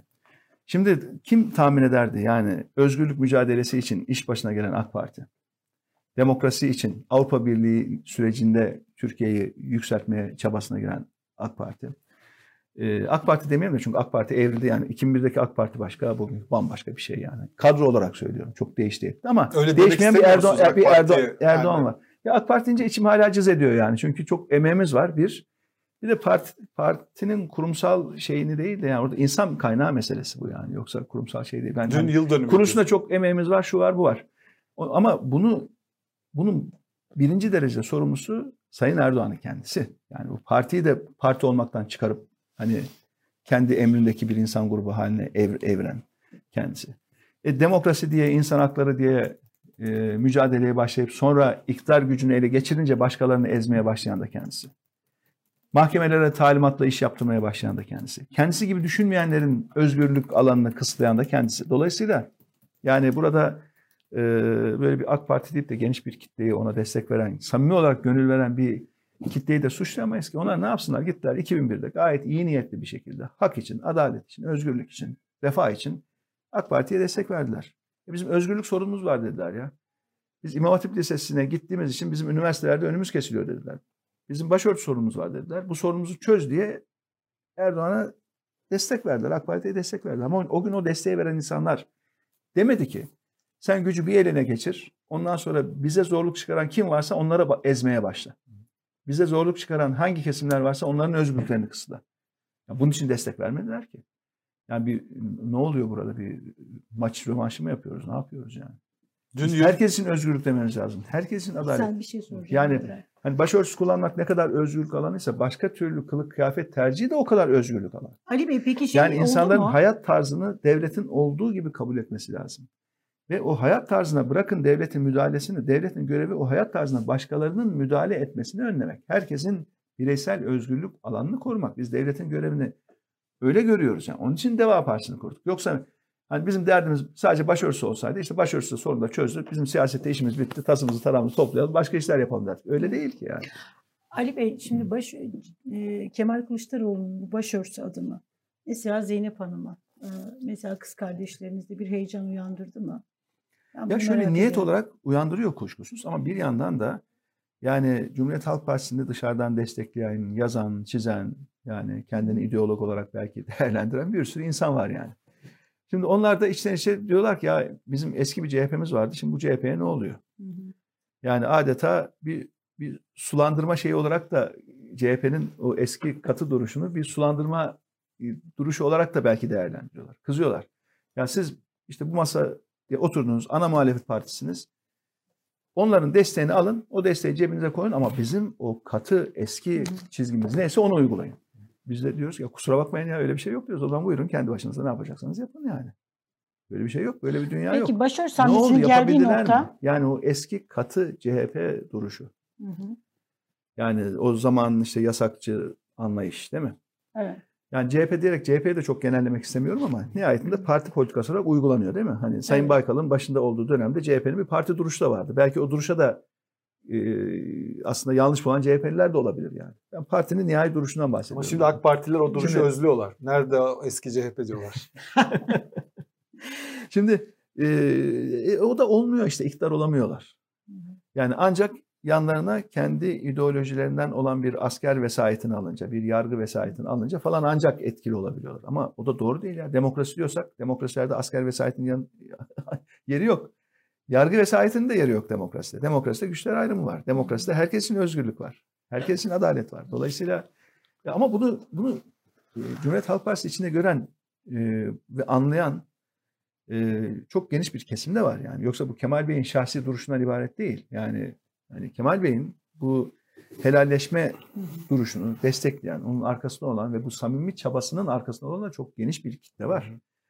Ee, onu da onu da yadırgamamak lazım. Peki. Ve biz şöyle yani yarınlarla ilgili konuşuyorsak hiç kimseyi geçmişiyle ilgili yargılayamayız. Bakın. Çok Bu önemli. çok yani. kıymetli bir şey söylediğiniz. Şimdi geçmişle geçmişle yargılayıp yarınlarıyla ilgili varsayımlarda da bulunamayız. Onun için biz hep yazılı yazılı dokümanlardan bahsediyoruz. Onun için yarınlarla ilgili konuşalım, yazalım, çizelim, detaylı konuşalım. Çünkü yüzeysel konuşursak yarın detaylarda ihtilaf çıkabilir. Peki. Yüzeysel konuşmayalım. Gelin korkmadan Türkiye'nin bütün meselelerine derinlemesine inelim. Derinlemesine indiğimiz zaman o derinlerde anlaşabiliyor muyuz buna bakalım. Eğer anlaşabiliyorsak yola çıkalım diyoruz. Şu andaki bütün çabamız, bütün bu ortak çalışma, bütün bu geçiş sürecinin yol haritası, bütün bu ortak seçim beyannamesi çabası derinlenip oralardaki gerçek mutabakatımız var mı yok mu? Yani altılı masa böyle yüzeysel olarak Şey hani oturup konuşma masası mı şey yoksa gerçekten kurumsal olarak da yani kurumsal olarak da beraber olabilecek miyiz? Yani genel başkanların niyetinin iyi olduğuna ben inanıyorum. Samimiyetine çok inanıyorum. Her genel başkanla tek tek konuştuğumuzda altılı masaya ne kadar önem verdiklerinin farkındayım. Dışarıda retorik var. Ama bir de baş başa konuştuğunuzda onu alıyorsunuz o samimiyeti yani. Şimdi görüştüğüm genel başkanların her birisinde çok samimi bir şekilde bu altılı masanın beraber olması, güçlü olması, beraber çalışması ilgili çok güçlü bir irade var. Ben bunu çok kıymetli görüyorum. Onun için uzun uzun baş başa konuşuyoruz yani. Uzun uzun. Masa Benim en son dağılmaz yaptığım- diyor musunuz Benim peki? en son yaptığım turda en kısa görüşmemiz 3 saat sürdü yani baş başa. Wow. Şimdi her şeyi konuşuyoruz. Yani çünkü güven de böyle oluşuyor. Bir Şimdi aynı samimiyet de bir- oluştu mu aranızda liderlerle? Samimiyet de oluşuyor. Bir de güven inşa ediyor. Şimdi güven bir anda oluşmuyor. Bakın güven kavramı böyle tuğla tuğla inşa edilen bir kavram. Dağılmaz Güveni oluşturmak vakit musunuz alır. Ali Bey masa? Şimdi güveni yıkmak da çok kolay bakın. Ha. Yani onu da geleyim. Aa. Şimdi dağılmadan bahsettik. Şimdi duvarı mesela bir duvar örersiniz. Duvarı örmek diyelim ki 8 saat sürer. Ama duvarı yıkmak 10 dakikadır yani. Getirirsiniz kepçeyle yıkıp geçersiniz. Şimdi güven öyle bir şey. Yani tuğla tuğla güven inşa ediyoruz. Geçen çok Brexit, yani. Brexit dediniz. Onu niye söylediniz? Ee, Ha, o bir soru üzerine. Hani bu altılı, Murat masa, Sabuncu altılı yazdı. masanın hani e, bir, bir parti daha olabilir mi olamaz mı tartışması var ya şu anda. Onunla ilgili sorular bana. Nasıl görüyorsunuz diye. Dedim biz bunu işte önümüzdeki toplantıda konuşacağız. Evet böyle bir fikir var. Deklare de edildi. Hani kamuoyunda deklare edilen bir fikir var. Ee, ama bunun nasıl işleyeceğini, yani altılı masa genişleyebilir mi? Nasıl? Hatta genişleme tabiri biraz Avrupa Birliği'den esinlendiğimiz bir tabir. Avrupa Birliği'nin genişleme süreci var ya. evet. Avrupa Birliği 6 ülkeyle başladı. 6 tane kurucu ülke var. Sonra genişledi. Yeni üyeler katıldı.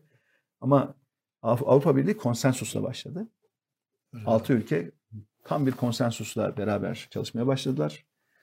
Her bir yeni üyenin eklenmesi yine eski üyelerin tam bir konsensusuyla oldu. Mesela Türkiye niye üye olamadı? Çünkü bir iki ülke itiraz ettiği zaman olmuyor da üyelik onun için yani.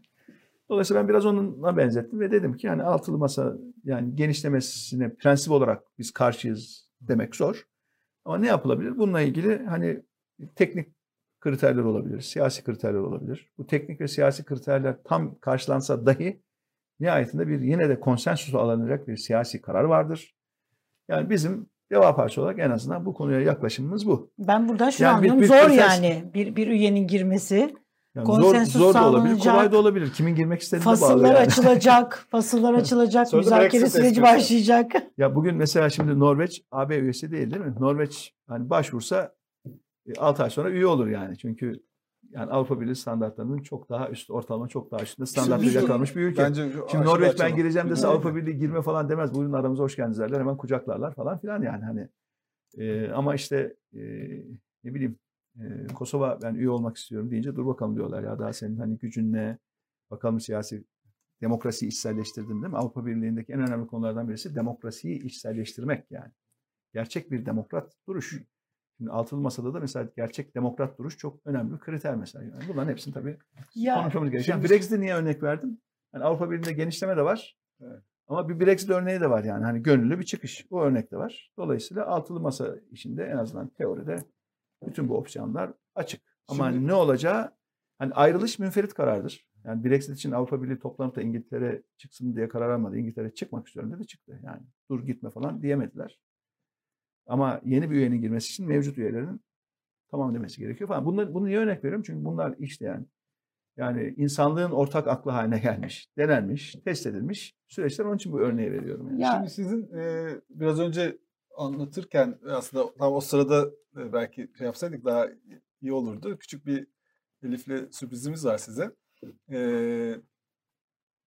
babanızın var. babanız e, koleje göndermesine çevreden tepki geldi dediniz. Çünkü TED Koleji'ni bilenler işte Ankara en elit okullarından biri. Böyle genelde muhafazakar kesimden insanların çok tercih etmediği okullardan biri. Çok iyi bir okul tabii ki. Ee, siz o okulu birincilikle bitirdiniz. Kardeşiniz bilmiyordum. O da üçüncülükle bitirmiş. Şimdi e, biz böyle küçük bir arşiv çalışması yaptık.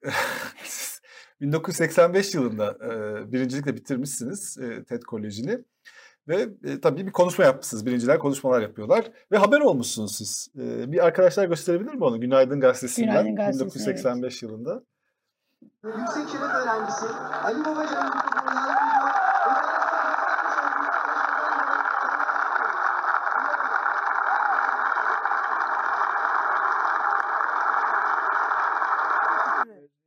Evet, sürprizi bozdular arkadaşlar. Neyse.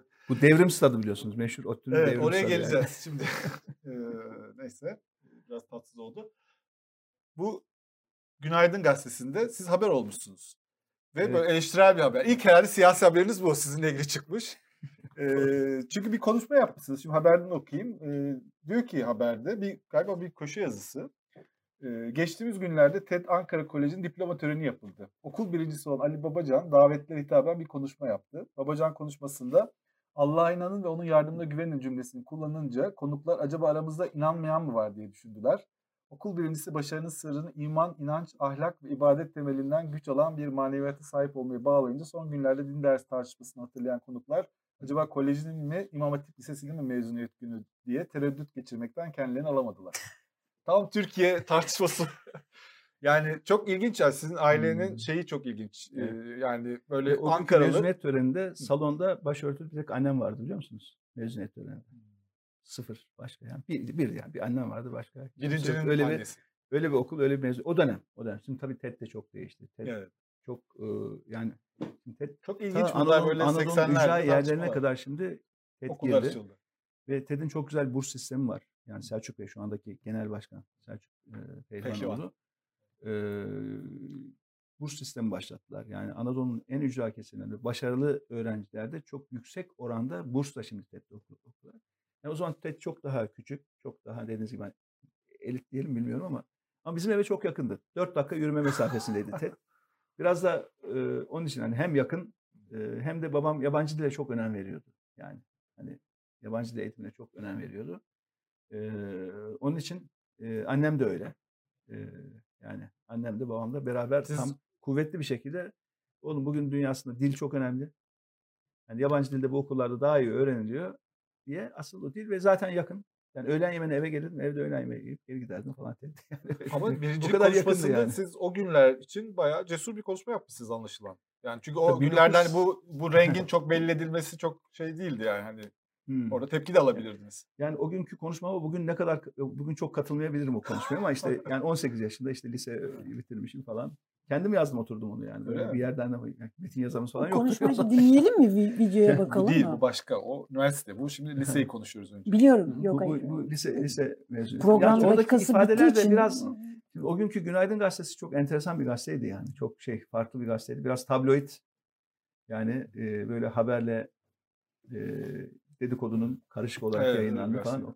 Sonra değişti o Günaydın yani madde sıkıntıya düştü. Galiba sabahın içine mi girdi bir şeyler. Evet, şimdi şeyler. O gün, o gün münferit bir gazete ve tam tabloid böyle yani. Siz Hani- bu haberi görünce ne hissetmiştiniz o zaman? falan filan. Lise öğrencisi mezuniyet olmuşsunuz. Yani ertesi gün bizim Çıkışlar Yokuşu'ndaki dükkanımıza getirdiler gazeteyi. Ya dediler haber çıkmış gördünüz mü? Tabii orada komşular var yani. Yüzlerce komşumuz var Çıkışlar Yokuşu'nda. Herkesin elinde bir gazete gazete getirdiler.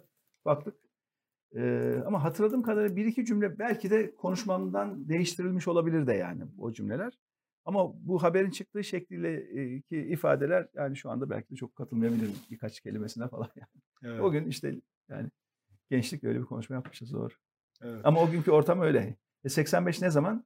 Mesela Nur, rahmetli Nurettin Ersin e, Kara Kuvvetleri'nin komutanıyken işte Darbe- 1980 darbesinde Cumhurbaşkanlığı Konseyi üyesi E, ve onun kızı da orada. İşte o, o diplomamı da o verdi. Nurettin Ersin var. Nurettin Ersin'in Siz Nurettin Ersin yanında mı bu konuşma yaptınız? Evet ve Nurettin Ersin bana. İyi, yine Çünkü darbe olmamış. Devlet, devlet protokolündeki en yüksek şey oydu yani. Onun da kızı aynı Evet, dönem mezun. Çok enteresan. Ee, ondan sonra da onunla şey yaptık. Yani birkaç kere daha görüştük. Yani sevdik birbirimizi diyelim. Ee, birkaç kere de görüştük o şeyden sonra. Yani niye bu konuşmayı yaptın diye bir tavır mavır öyle bir şey de olmadı. Başımıza bir iş falan da gelmedi yani. Evet. Şimdi biraz önce yanlışlıkla gelen videoyu Şimdi evet oraya bakalım. Şimdi siz ot, sadece TED Koleji değil, ODTÜ'yü de birincilikle bitirdiniz. Endüstri Mühendisliği bölümü. Ee, orada da tabii e, bu 1989 yılında. Oradaki O gelenek birincilere bir konuşma yaptırıyorlar Evet, yani. onun videosu şu ana kadar hiç yayınlanmadı. Biz e, onun videosunu bir şekilde bulduk. Evet, demin, demin, Evet. demin gördüm. Görür görmez ama belli ODTÜ'nün şeyi orası Evet. yani. Onu da bir izleyelim. Sizin birincilik konuşmanız. Meşhur, meşhur devrim stadyumu. Yüksek Şeref Öğrencisi Ali Babacan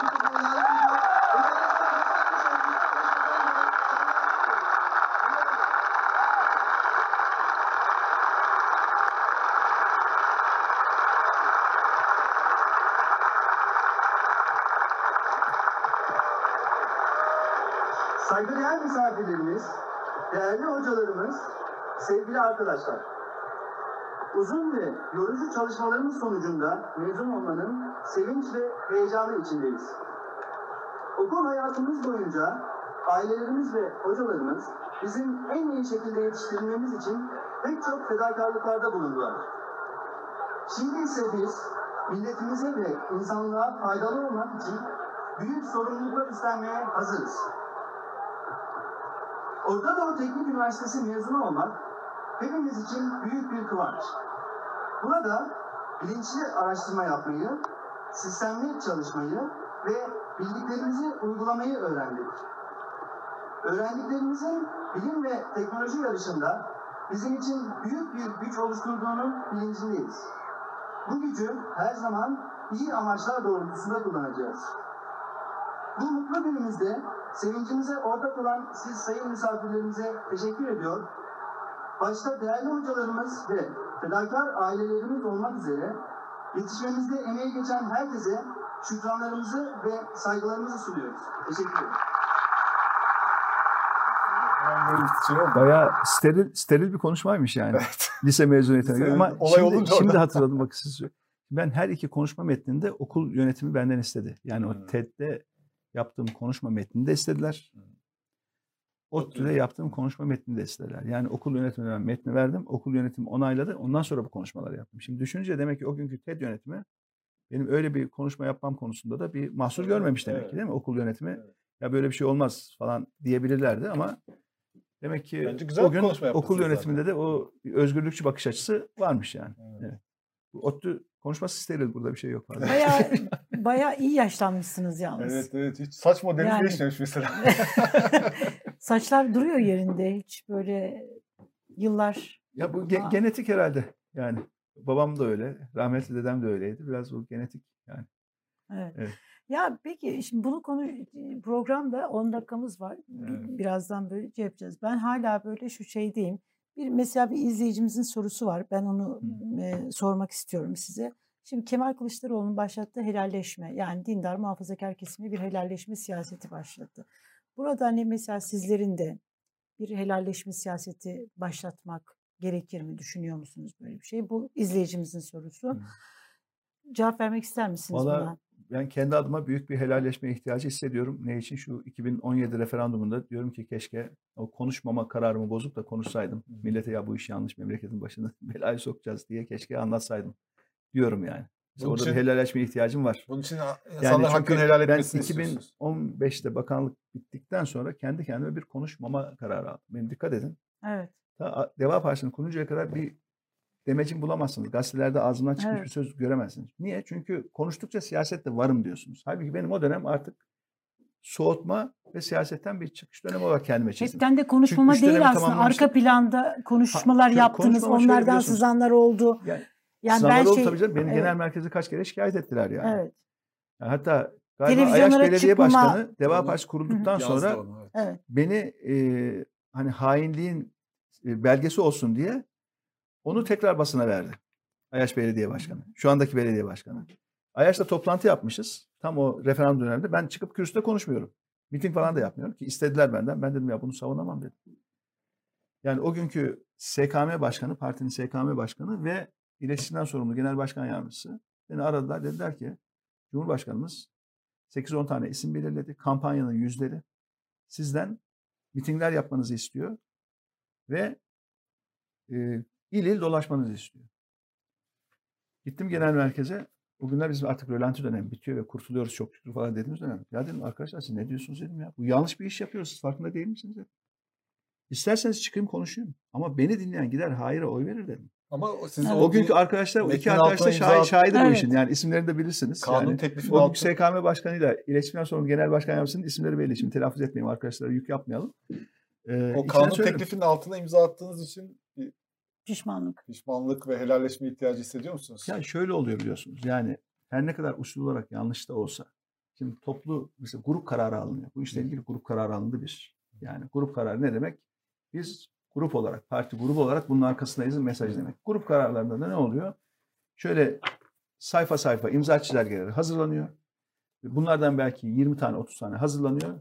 Hızlı bir şekilde dolaştırılıyor. Arkasında metin falan öyle bir şey yok. Yani dolayısıyla geliyor bunlar grup kararı halinde. Grup kararı olunca grup kararı dahilinde bütün milletvekillerinin imzasıyla ancak grup kararı oluyor bu iş. Dolayısıyla evet. Orada da bir helalleşme ihtiyacı var. Başka Ama o, o imza nihayetinde hani bir şeydir, bir prosedürdür, bir işte hukuki bir gerekliliktir, şudur budur kalır. Ama e, o Şimdi- Ayaş'ta beni şikayet ettikleri gibi toplanmışız Ayaş'ta demişim bu iş yanlış demişim. O da mektup yazmış genel merkeze ya Ali Babacan geldi Ayaş'ta hani referandumda hayır demeyi teşvik ediyor insanlara diye. Şimdi beni şikayet ediyor genel merkeze. O mektupta Deva Partisi kur- kurulduktan sonra açıklıyor. Dolayısıyla bana soranları ben söyledim ama bunu bir kamuoyu önünde açık bir duruş olarak ortaya koymadım. Orada bir helalleşme ihtiyacı var. Yalnız şu 2018 da var. seçimleri Şu da var. Şunu unutmayalım ki başkanlık sistemi. ta rahmetli Demirel'in, rahmetli Özal'ın çok istediği şeylerdi. Çok başkanlık. ama aynı başkanlık. şey değil Sayın Babacan. E, Yani şimdi Ya başkanlık aynı şey değil. Biliyorum. Onlar, onlar getirseydi Evet. ne getirdi bilmiyoruz. Şimdi Evet. aynı şey değil derken. Yani Hayır, şimdi başkanlık aklındaki başkanlığı biz- bilmiyoruz. evet. Özal'ın aklındaki başkanlığı bilmiyoruz. Doğru. Belki onlar da böyle bir şey istiyordu. Çünkü güç zehirliyor ya. Bir süre sonra ya kimse bana engel olmasın hissi ağır basmaya, başlıyor belki. Ne parlamentoyla uğraşacağım, ne yargıyla uğraşacağım kardeşim. Ben yetki alayım, yürümem lazım falan. Belki güç zehirlenmesi Demirel'de Evet. de oldu, Özal'da da oldu rahmetlerde bilemiyoruz. Şimdi soracak durumumuz da yok. Yani işte rahmetli. Dolayısıyla ama aynı şey yani.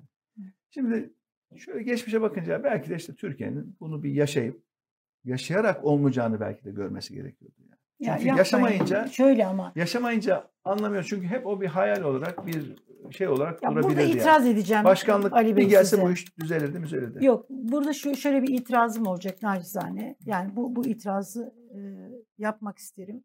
Şöyle ki biraz önce hani aynı başkanlık sistemi derken söylemek istediğim şey şu. Şimdi başkanlık sistemini savunan ben de çok yazılar yazdım. Bunun Türkiye'ye fayda getireceğine inandım. Ama 2017'deki o referandum işte o anayasa paketini gördüğüm zaman dedim ki değil bu. Evet yani Türkiye'nin bir başkanlık sistemi tartışması vardı. Ama şimdi hani bir şey savunurken şöyle söylüyorum. Ya bu çok eski bir tar eski bir tartışma ama Siz ne zaman gördünüz onu? Meclise sunulunca gördünüz değil mi? paket çıktı çıkmaya başladığı zaman bu paket Evet. bu paket çoğu, değil çoğu dedim. milletvekili de o Evet. zaman gördü yani. Evet. Şimdi Önce imzalar toplandı Dolayısıyla olarak. Sonra hani- sır gibi sakladılar. evet, Bakın. görme keşke görmeseydik yani Hem bunu MHP'den denemeseydik hem hiç. AK Parti'den asıl Hı. konusu bu olan insanlar çalıştırılmadı. Evet. Başkanlık sistemi konusunda kitaplar yazmış, uzmanlık alanı bu olan insanlar çalıştırılmadı. evet. Çünkü Burhan Kuzu kendi Öyle bir istenmedi kendi zaten. düşündükleri dar bir ekiple çalıştılar. Sır gibi saklandı, saklandı, saklandı. İmzalar toplandı, toplandı, toplandı. Ondan sonra meclise sunulurken pat diye metin ortaya çıktı. Evet. Herkes Ama zaten o konuda bir helalleşme 2018'de ihtiyacı peki- olduğunu söylediniz siz. Bu Çünkü sonuçları ağır E, oldu tabii. yani. Hayır, ben şey. daha önce de söyledim. Ben daha önce hani bana, bana soruyorlar hiç keşkeniz var mı? Evet bir tane büyük keşkem var diyorum. Yani bu Evet. e, referandumda yani soranlara söyledim de keşke çıkıp avaz avaz bağırsaydım diyorum yani. Hani yanlış 2018 yanlış bu işi seçimlerinde- falan filan diye. Mesela bu paket Ama bir işte yandan da şu da var. Yani bir işte deneme, görme ve olmayacağını gösterme var ya. Bazen e, Keşke böyle bir yani deneme bak, hani, yapılmasaydı. ya bak üzerinde. yapma dersin. Yapma da hani bir bir bir örnek bin nasihattan iyidir diye bir atasözü var değil mi? Evet. Yani nasihat, nasihat, nasihat, nasihat olmuyor da işte maalesef toplum olarak bir gördük. Gö- İnşallah Allah bir daha Kurtulabilirsek bunu söyleriz ama. ama ama nihayetinde de yani vatandaşlarımız yüzde elli bir buçuğu gitti ve evet dedi bunu onu da unutmayalım. Yani tamam bizler böyle düşmüş olabiliriz ama insanların yüzde elli bir buçuğu gitti evet dedi. Yani şimdi Aslında demokrasi de yüksek- böyle bir şey yani. Hayırlar bayağı yüksek çıktı aslında. yani yine de. demokrasi de böyle bir şey. Ama olsun bir tane bile fazla çıktı ne oluyor yani? tek bir alanda mı helalleşme başlığınız var sizin? Ya çok vardır da şimdi geçmişi konuşursak yani ne altılı masa kalır ne Peki başörtüsü başka bir şey konusunda kalmaz gelinen yani. Süreci nasıl şimdi değerlendiriyorsunuz? Yarınlara, yarınlara bakacağız Evet. artık yani. Şimdi geçmişe takılıp kalmak. Deva Partisi kurulalı iki buçuk yıl oldu artık Allah aşkına yani. Hani Çok geçmiş güzel muhasebesi çok, katılımla. çok yaptık. Şimdi Evet. artık yarınlara bakacağız. Yarınlar seçime doğru geliyoruz yani. Onun için Eyvallah. artısıyla eksisiyle geçmiş herkesin geçmiş. Yapacak bir şey Peki. yok. Ama artık yarınlarda mutabık kalma zamanı. Yani. Ee, başörtüsü konusunda gelinen e, süreci e, nasıl buluyorsunuz? Yani Kemal Bey'in iyi başlattığı adım sarpa mı sardı? Hı. Çünkü referanduma gidiyoruz şimdi. Yani e, üç sandık konulacak deniliyor. Hı. Bu bu üç sandık konulması Erdoğan'a seçim kazandırır mı? Yani referanduma yani gitmeli referanduma mi? gitmek için 360 tane evet Hı. gerekiyor. Bakalım o evet yakalanabilecek Hı. mi parlamentoda yani ben ben çıkmayabilir 360 yani. 360 çıkmazsa da referanduma falan gitmez. Evet. Yani öyle Son- kalır. son- Akamete uğrar yani. Biz bir de prensip olarak hep şunu söylüyoruz bakın. Temel haklar oylatılmaz diyoruz. Çok önemli bir ilkedir. Yani temel insan hakları var ya, insan olmaktan doğan haklar bunu bu hakkı bu kullansın mı kullanmasın mı diye oylatılmaz. Çünkü bu hak 85 milyon insanda sadece 85 kişinin bir hakkı da olabilir yani. Şimdi o 85 kişinin hakkını gidip de 85 milyona oylatamazsınız. Yani o kair ekseriyet insanlara yani bir oy verir başka bir şey de çıkabilir. Şimdi temel haksa temel hakkın anayasayla güvence altına alınması ve orada kalması gerekir. Ve aksi yazılmadıkça da hürriyet esastır bakın. Aksi yazıldıysa zaten özgürlük esastır. Yani şu serbesttir, şu serbesttir, şu serbesttir. Yani bu bu çok ya da şu yasaktır, bu yasaktır. Yani temel haksa bu temel Evet. haklar nerede tarif edilmiş? Kronolojik sırada bir insan hakları evrensel beyannamesi. İki Avrupa İnsan Hakları Sözleşmesi. Bitti. Yani bunları tutup da Türkiye'de uygularken ki Avrupa İnsan Hakları Sözleşmesi de bizim de imzamız var. Öbüründe de bizim imzamız var. Türkiye'nin de içinde olduğu işler. Dışarıdan empoze edilen işler değil bunlar yani. Şimdi temel haksı orada biz tutup da bunu hadi bunu verelim mi vermeyelim mi? Bir kanun çıkaralım mı çıkartmayalım mı? Hadi bununla ilgili bir referandum yapalım mı yapmayalım. Bunlar yanlış işler yani. Bu hak zaten onun. Sen neyini oylatıyorsun? Ne yapıyorsun? Yani diyelim ki referandumda hayır çıksa. E şimdi başörtüsü yasak mı olacak ülkede? Ya öyle bir öyle bir şeyi düşünün. Yani yüzde 51 oylayacak, 49'un başörtüsü takması yasaktır diyecek. Böyle bir şey var mı ya? Yok yani. Olmaz. Yüzde 49 değil, binde 49 olsa. 4 kişi olsa, 5 kişi olsa o onun hakkı. Yani böyle bir şey olmaz. Böyle bir mefhum yok yani.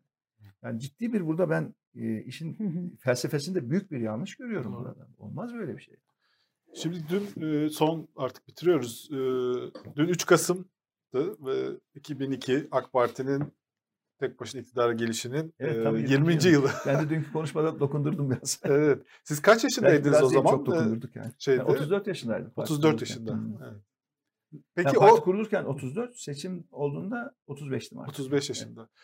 E, hatırlıyor musunuz o geceyi yani seçim kazandığınız geceyi? E, yani nasıl ruh halindeydiniz? Nasıl? Çok sevinmiştik. Yani çünkü bir yandan bu 28 Şubat iklimi Bir yandan e, 21 e, Şubat ekonomik krizinin getirdiği zorluklar yani ülkede büyük bir yenilenme ihtiyacı vardı. Bir siyasi e, revizyon ihtiyacı vardı. Ve seçim onu tescil etti. Yani enteresan bir şekilde pek çok parti baraj altı kalınca AK Parti yüzde 34 34. oyla 360 küsür tane milletvekili çıkarttı. Yani Anayasayı değiştirecek Eee, çoğunluğu işte. şey ama yani üçte ikiyi yakalayamadı. O da işte kader. Yani bu gerçek kader yani çünkü seçim sonuçlarında İyi oldu diyorsunuz. 367 değil de 363 miydi? evet öyle bir şeydi. Evet, doğru. Yani mecliste değiştirecek çoğunluk yoktu ama referanduma götürecek çoğunluk vardı. Ee, ve o dönemde de güzel işler yaptık yani. Şimdi bazıları dönüyor işte 20 yıllık AK Parti iktidarı falan. Hop diyoruz ya durun diyoruz ya. Öyle silip atamazsınız yani. Orada Türkiye'yi ilk defa Avrupa Birliği müzakerelerine başlatan o dönemde. E, Türkiye'nin milli gelirinin tarihi zirveyi gördüğü yıl o dönemde bir dakika diyoruz ya o kadar silmece. E siz onlarla beraberdiniz. Ya beraber de biz iyi işler yaptık. iyi işlere katkı verdik yani. Kötü işleri de engellemeye çalıştık. Böyle Öyle- yazık öyle oldu bir- diyor musunuz? Mesela böyle şimdi dönem. bu yıl dönümü mesela şey olduğunda yani böyle hissiyatınız nedir o e, günleri hatırladığınızda? Ya şöyle e, biz ilk kuruluşta biliyorsunuz üç dönem kuralı koyduk. Yani parti tüzüğünü yazan ekibin ben içindeydim. O en son redakte edilir küçük küçük küçülür en son redakte eder bitirir baskıya gönderilir. Ben o heyetteydim. Tüzükle programda heyetteydim. Şimdi oraya biz üç dönem kuralı yazdık ve bunu genel başkan için yazdık. Ve e, Sayın Erdoğan'ın genel başkanlık süresi 2015'te 3. dönemde doldu ve emekli olması gerekiyordu. AK Parti'nin kuruluş tüzüğünü şu aralar hiçbir yerde göremezsiniz. O sadece böyle e, hard copy kayıtlarda duruyor. Ben bir tane onu saklıyorum. Öyle. Kuruluş tüzüğünde emekli olması gerekiyordu. Ve gerçekten Erdoğan 2015'te emekli olsaydı ve gerçekten AK Parti kendi içerisinde o insan kaynağı değişimini, dönüşümünü, o tazelemeyi yapabilseydi, kuruluş ilkelerini, değerlerini muhafaza edip yani yoksullukla mücadele, yasaklarla mücadele, yolsuzlukla mücadele çizgisini devam ettirebilseydi o zaman ülke bu duruma düşmeyecekti. Onun için içim cız ediyor dedim ya yazık oldu dedim ya. Mesela e, pek çok kurumda yöneticileri ne kadar başarılı olursa olsun yer değiştirirler biliyorsunuz yani. En başarılı yönet- bir mağaza müdürü. Ya sen çok başarılı oldun. 10 yıl 15 yıl aynı ma- e, mağazanın müdürü ol demezler. Banka şube müdürü değil mi? En başarılı şube müdürü 5 sene sonra değiştirilir başka bir yere gönderilir. Çünkü uzun süre aynı yönetici konumunda duranlar artık ilkelere, kurallara uymamaya başlar. Ben demeye başlar. Bankanın kurumsal müşterisi kalmaz. O şube müdürünün şahsi dostlukları ağır basmaya başlar. Onun için AK Parti'de ilke ve değerleri, kuruluştaki ilke ve değerleri korumanın yolu Erdoğan'ın emekli olması, gerçekten emekli olması, elini ayağını her şeyin çekmesi ve yeni ilkeleri ve değerleri sürdürecek yeni bir kadroyla ancak mü- mümkün olurdu. Ama gitmedi. İnat etti. Partinin başına çöktü. Memleketin başına çöktü. Ülke de geriye doğru gitti. AK Parti de geriye doğru gitti. Kendi de kaybetti ama keşke kaybeden bir kişi olsaydı. Bütün ülke kaybetti yani. Onun için bu ıı, ilkeler, yönetim değerleri çok önemli konular. Yani. Güç zehirliyor. Mutlak güç mutlaka zehirliyor. Ee, ve hele hele böyle uzun süre kullanınca e, hatalar mukadder yani. İşin kaderinde hata yapmak oluyor işte. Çünkü tedbir almayınca sonuçta hatalar, yanlışlar ve büyük bir başarısızlık. Çok teşekkür ediyoruz Ali Bey. Ben teşekkür ederim. Biz Çok çok keyif aldığımız bir program. Evet gazeteleri Vallahi. okuyamadık. Siz de gazete Gazeteleri okuyor okuyacaktık musunuz? aslında. Ya ben böyle fiziksel gazete değil de sabah basın özetlerini hızlı bir şekilde Hakikaten internetten tarıyorum yani. gazeteleri. Tarıyorum. Okuma demeyelim de tarıyorum yani. Hani çok hızlı bakıp böyle ilgimi çeken bir şey varsa giriyorum. Ya da benim yakalayamadığım hususlarla alakalı arkadaşlar bir özet hazırlıyor. Ee, o bir özet geliyor bize bir gündem özeti. O gündem özetini bütün partilere dağıtıyoruz. Hani olur da bu kalabalıktan yakalayamadığımız önemli hususlar O varsa o, zaman gündem özeti. Fiziki gazete okumayı özle- özlerseniz bir daha bekleriz. Beraber okuruz gazeteleri. Çok Evet. fazla bir şey yok ama. Yani E, bir olur. gün gerçekten gazete yani. okuyalım sizinle beraber olabilir. burada. Spontane Evet evet Evet. yani doğaçlama. doğaçlama gazete Sizin okuyalım. dikkatiniz neler çekecek? Bakalım siz ne çekecek? Bizim kendi gündemimiz böyle gündem karşılaştırması yapalım. Evet ama tabii hangi gazeteye baktığınız önemli yani. Bazı gazeteler Yok, siz kopyala işte- yapıştır gazeteler oluyor. Yok size müferit- göstereceğiz beraber Onlar işte. çok eğlenceli. Tabii Evet. birlikte böyle bakacağız. Siz okuyacaksınız, biz Hı. okuyacağız. Böyle e, ilginizi çeken konular, haberin yapılış böyle hani Evet, güzel bir filmden bahsediyor mesela değil mi? Bir bakar mısınız? Evet. Ne diyor? En son ne zaman sinemaya gittiniz? Ee, Sinemaya- en son sinemaya sinemaya giderek film izleme bizim küçük oğlumuzda Tapkan'ı yeni Tapkan'ı izledik. Hmm. Ama bir de bizim evde böyle bazen ailece izlediğimiz filmler oluyor. Orada da şey izledik. Bu Bullet Train. Bullet Train. Ha. Bullet Train e, yani Japonca adı Shinkansen. Benim ta öğrenciyken gidip bu bindiğim Shinkansen'de çekilen e, Shinkansen bunun Japoncası yani Bullet Train. Hızlı tren. Hemen Türkçe şey yapalım. En sonunda onu e, bizim evimizde böyle ailece buluşup bir Nelerden var hoşlanırsınız? orada. Mesela boş zamanlarınızda eee, ne yapıyorsunuz? Mesela boş zaman çok az oluyor. mesela okey oynar Ama- mısınız? Tavla oynar mısınız? Satranç bilir misiniz? Ha, öyle Aynen. oyunlar yok hiç yani. Ha, satranç evet. Satranç. Satranç evet tamam. ama böyle şansa dayalı oyunlara dedem de babam da hiç sıcak bakmazdı. İşin içinde şans varsa böyle hani bir şey atıyorsun. Hiç ya. merak etmediniz mi? Yani e, öğrendim ama çok oynamadım yani. Mesela Evet, tavla öğrendim ama çok oynamadım. Elif- Ya da kağıt oyunları. Elif iyi Bir tavla oyuncusu öğrendim. ona getirmeye çalışıyor. o- Yok vallahi ona getirmeye çalışmıyorum. Ben şu sıra O bizim bir ara, ara, ara dönemimiz yani. vardı. Bahsettiğim bir ara dönem vardı ya. Evet. e, hani bakanlığın bittiği ve benim siyasetten ayrılmaya çalıştığım Deva Partisi'nde kurmadan önceki. Yani o dönemde bir de pandemi falan da girdi. Deva falan. O dönemde böyle e, biraz dizi, film falan e, izledim yani. yani. Netflix serilerden bazılarını izledim. Hatta bir watch listim oldu hep. Bu ben IMDb'yi seviyorum bilmiyor musunuz? Siz- Yani siz bakar Evet. mısınız IMDb diye bir Puanlamaya e, veri sitesi Puanlama var. evet. Yani hem diziler ve filmlerle ilgili pek çok yorum var, puanlama var, değerlendirmeler var. Ben ona Hı. bir bak haftada bir hala bakarım yani şöyle kafa boşaltmak istediğimde IMDb'den ne var ne yok diziydi, filmdi. Ee, bir watch listim var. IMDb'de bir watch listim var. Yüz küsur tane film duruyor orada. Öyle mi? Yani İzle- izlemek için izlenecek izle, filmler. izleyeceğim diye işaretlediğim. E, diziler var. Mesela şuradan hemen Bize dizi mesela tavsiye. Netflix watch list diye bir şeyim var böyle. Ne var mesela Netflix watch listesinde? Ben- Yani ne var? Mesela izlediklerim var. İzlemek istediklerim var. İzlemek Ortada istediklerinizde ne var? var. Tabii Deva Partisi kurulduktan sonra pek çok şey ortada kaldı. Mesela izlediklerim e, Black Mirror Ha, izlemişim. evet. Stranger Things, Money Heist, Outlander, Crown, Ha, Narcos, alttan, evet. e, Homeland, Sherlock, Peaky Blinders. Bunları epey bir Aa. ilerlemişim yani. Mesela Peaky Blinders'ta iyi 5. sezonu liste, tamamlamışım. evet. Beşinci sezon. Homeland'de, Homeland'de 7'yi bitirmişim. 8 çıkmış. 2 sene olmuş hala izleyememişim. Blacklist mesela. de çok güzel. Belki hani Hangisi? ilginizi çekebilir. Borgen diye bir böyle hani siz Ha, bütün duydum, siyaset Duydum da. bütün siyasetçilerin bence izlemesi Mesela gereken. bana izle diye tavsiye ettikleri ama hiç başlayamadım. House of Cards var. Designated Aa, Survivor. House of Cards mutlaka Evet, izleyin. Seçime girmeden. Roman Empire var. Chernobyl var. This is Us mesela buna çok güzel diyorlar. Hiç başlayamadık.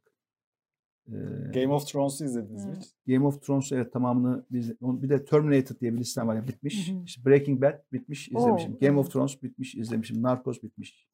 Great Hack, The Alienist. Onlar Hmm. diziler bitmiş ve onları tamamlamışım.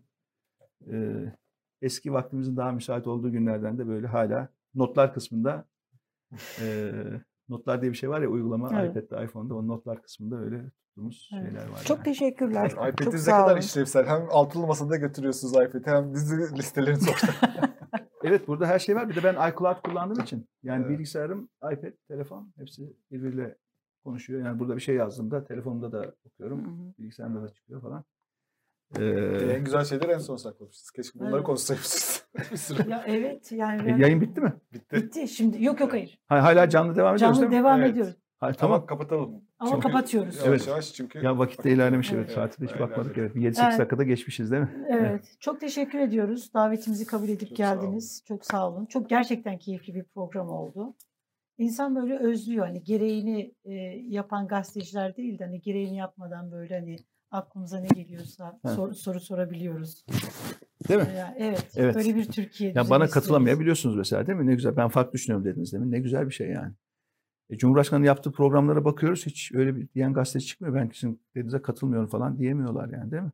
Geçen gene kendi Ama kanallarının birinden çıkmış Ali galiba. Bey inşallah şey olur. Yani- Yani siz de Cumhurbaşkanı Hatta soru olduğunuz soracak zaman gibi oldu mu? Yani hep böyle kalırsınız umarım. İktidarda görmek lazım. İktidarda İşte görmemiz çok- lazım. Şu an bir şey söyleyemeyiz size. onun için çok uzun süre yapmamamız lazım. Tamam. Yani tadında bırakmak lazım. Şimdi Merkel Almanya'da Cumhurbaş Almanya'da başbakan seçilemez miydi bir dönem daha? Evet. Rahat yani. Çok Yani omuzlarında taşırlardı Merkel değil mi? Ama baktık ki uzun süre yaptı. E bir de tabii yaş ilerledikçe sağlık şeyleri çıkıyor. O sağlık şeylerini örtebiliyorsunuz ya da örtemeyebiliyorsunuz bazen. Yani insanın kendini şöyle bir şeye çekmesi lazım bir his, yani bir sorguya çekmesi lazım ve bir e, böyle yaşı ilerlemiş bir e, Avrupalı dostumuz var. Onların da böyle çok iyi bir network'ü var. Yani çok hepsi çok bilinen isimler bunlar. Ve yaşı ilerlemiş insanlar.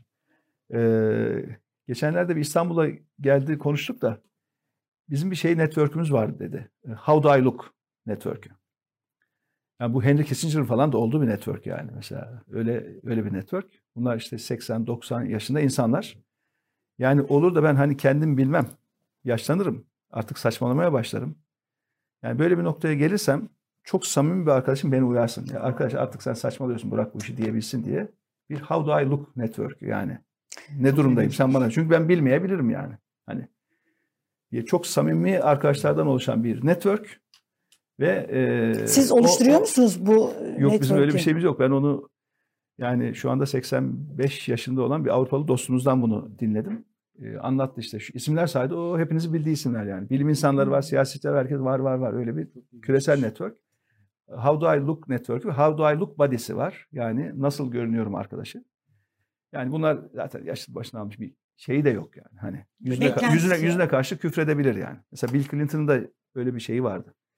Yani ben başkanlık boyunca yanımda çok samimi arkadaşlarım hep çok yanımda tuttum ve bunlar bana yüzüme karşı küfredecek kadar samimi arkadaşlardı. Ve onları hep yanında tuttum. Çünkü hani olur da yoldan çıkarım, yanlışlar yapmaya başladığım zaman samimi arkadaşlarım beni tutsun diye. E şimdi ben Sayın Erdoğan'a bakıyorum. Yani nasıl nasılım, nasıl duruyorum, yüzüme karşı küfredecek bir tane arkadaşım kaldı mı yanında diye işte hani AK Parti'yi kuran hani kim var kim yoksa asıl ağırlığı olan, yüzüne karşı karşım yanlış yapıyorsun olmaz bu diyen, abi dediği ya da bizim gibi ya olmaz yapamayız bunu falan diyen hiç kimse kalmadı işte Türkiye'nin durumunu görüyoruz. evet. Çok teşekkürler Sayın Babacan. Çok e, güzel bir program oldu. Partimize yeni katılımlar da oldu. Tebrik ediyoruz güzel katılımlar. Evet, evet. Merkez Bankası e, e, Mehmet Emin Özcan Yok Mehmet Emin. Eski Şu Anayasa, Anayasa Mahkemesi evet, üyeliği eski. yapan geçen evet. Ocak ayında görev süresi olan Mümtaz Bey Mümtaz Bey katıldı. Evet. Çok kıymetli bir isim o. Mümtaz çok iyi bir hukukçu. Çok Afyon'da iyi baro başkanlığı da yaptı ve Anayasa Mahkemesi'nin evet. şöyle bir kararlarını bakın geriye doğru Mümtaz Bey'in. Çok yani e, sağlam duruşu olan, inanmadığı hiçbir şeyin altına imza atmayan, hemen şerhini yazan öyle bir 12 yıl boyunca ben Mükemmel bir sınav verdi Anayasa Mahkemesi'nde. Şaşırdım ve sevindim de siyaset evet, adına. Doğru. Çünkü kaliteli, çok nitelikli ben tanıyorum kendisini. Bilirsin, çok evet. nitelikli, çok iyi. Tabii, tabii. böyle iyi evet. ve nitelikli yani Mehmet insanların... Özcan Bey e, bankacıdan gelme. Ta o İş Bankası müfettiş olarak başlamış. Daha sonra katılım bankalarında görev yapmış. E, daha sonra 2002'den sonra biz onu kamu bankalarında görevlendirdik. Ben 3 kamu bankasında da yönetim kurulu üyeliği yaptı. Sonra Vakıfbank Genel Müdürlüğü yaptı. Kuzey Kıbrıs Türk Cumhuriyeti Merkez Bankası Başkanlığı tamam, yaptı. Elif kapatırken konu açıyorsun. Derken, Yok açmıyorum aslında ama. Milletvekili transfer edecek misiniz diye soracağız. Öyle. Başka siyasetçiler var mı? Şimdi ama Ünlü siyasetçiler. şey oldu işte ya. Fatih soracağım Bey, ama soramıyorum. Falan. Fatih Bey katılıyorsun. Sosyal Güvenlik Kurumu Başkanlığı yapmış. Çalışma Bakanlığı Müsteşarlığı yapmış bir arkadaşımız. Daha önce Tokat Milletvekili yapmış Dilek Hanım katıldı. Büyük Birlik Partisi'nde evet, MKYK üyesi iken e, bu son yani bu kadar iktidarın dümen suyuna girdiği için parti oradan ayrılan arkadaşlarımız katıldılar. Ee, öyle Milliyetin Bakanlığı'nda görev yapmış. Dün öyle doğaçlama oluştu. İl başkanları toplantımız sırasında geldiler işte hani e, Tunceli'de siyaset yapmış iki arkadaşımız katıldı. Yine Balıkesir'de çok iyi bir iş insanı. Ticaret Meclis, Ticaret Odası Meclis üyesi. Yani geniş çapta işte olan bir arkadaş katıldı. Meclisten yani sadece katılım. dünkü o doğaçlama ben, gelişen dört katılım açmasaydım bu konuyu. yani o dört katılım doğaçlama oldu fakat bakıyoruz işte Balıkesir, Balıkesir'den bir iş, iş insanı, Büyük Birlik Partisi'nden bir MKK üyesi, işte Tunceli'den bir CHP'den siyaset yapmış bir arkadaşımız derken yani şu son 8-9 katılan isim bile tüm Türkiye coğrafyası, tüm Türkiye sosyolojisi. Ama bunların ortak bir yönü yani iyi insanlar bunlar. İyi işler yapmışlar. Seviliyorlar. Bilenler seviyor. Biz öyle hani çok bilinen tamam ama yani ama yani az kişi bilse de bilenlerin düzgün bildiği insanları çok tercih ediyoruz yani. Çünkü az bilen ya bu iyi insanmış diyor. O birden çok bilen hale geliyor falan öyle gidiyor. Evet, evet. bu kesin kapatıyoruz. Çok evet, teşekkürler. Evet, vakit de bayağı daraldı. Evet. evet, programımızın sonuna geldik. Bir Karar Ver programında Deva Partisi Genel Başkanı Sayın Ali Babacan'ı ağırladık. Keyifli bir programdı. Sizler için de öyle olduğunu e, öyle olduğuna inanıyoruz. Ee, Pazartesi günü biz e, tekrar Yıldıray'la beraber sizin karşınızda olacağız. İzleyicilerimiz hayırlı cumalar demiş. Hayırlı cumalar hepinize.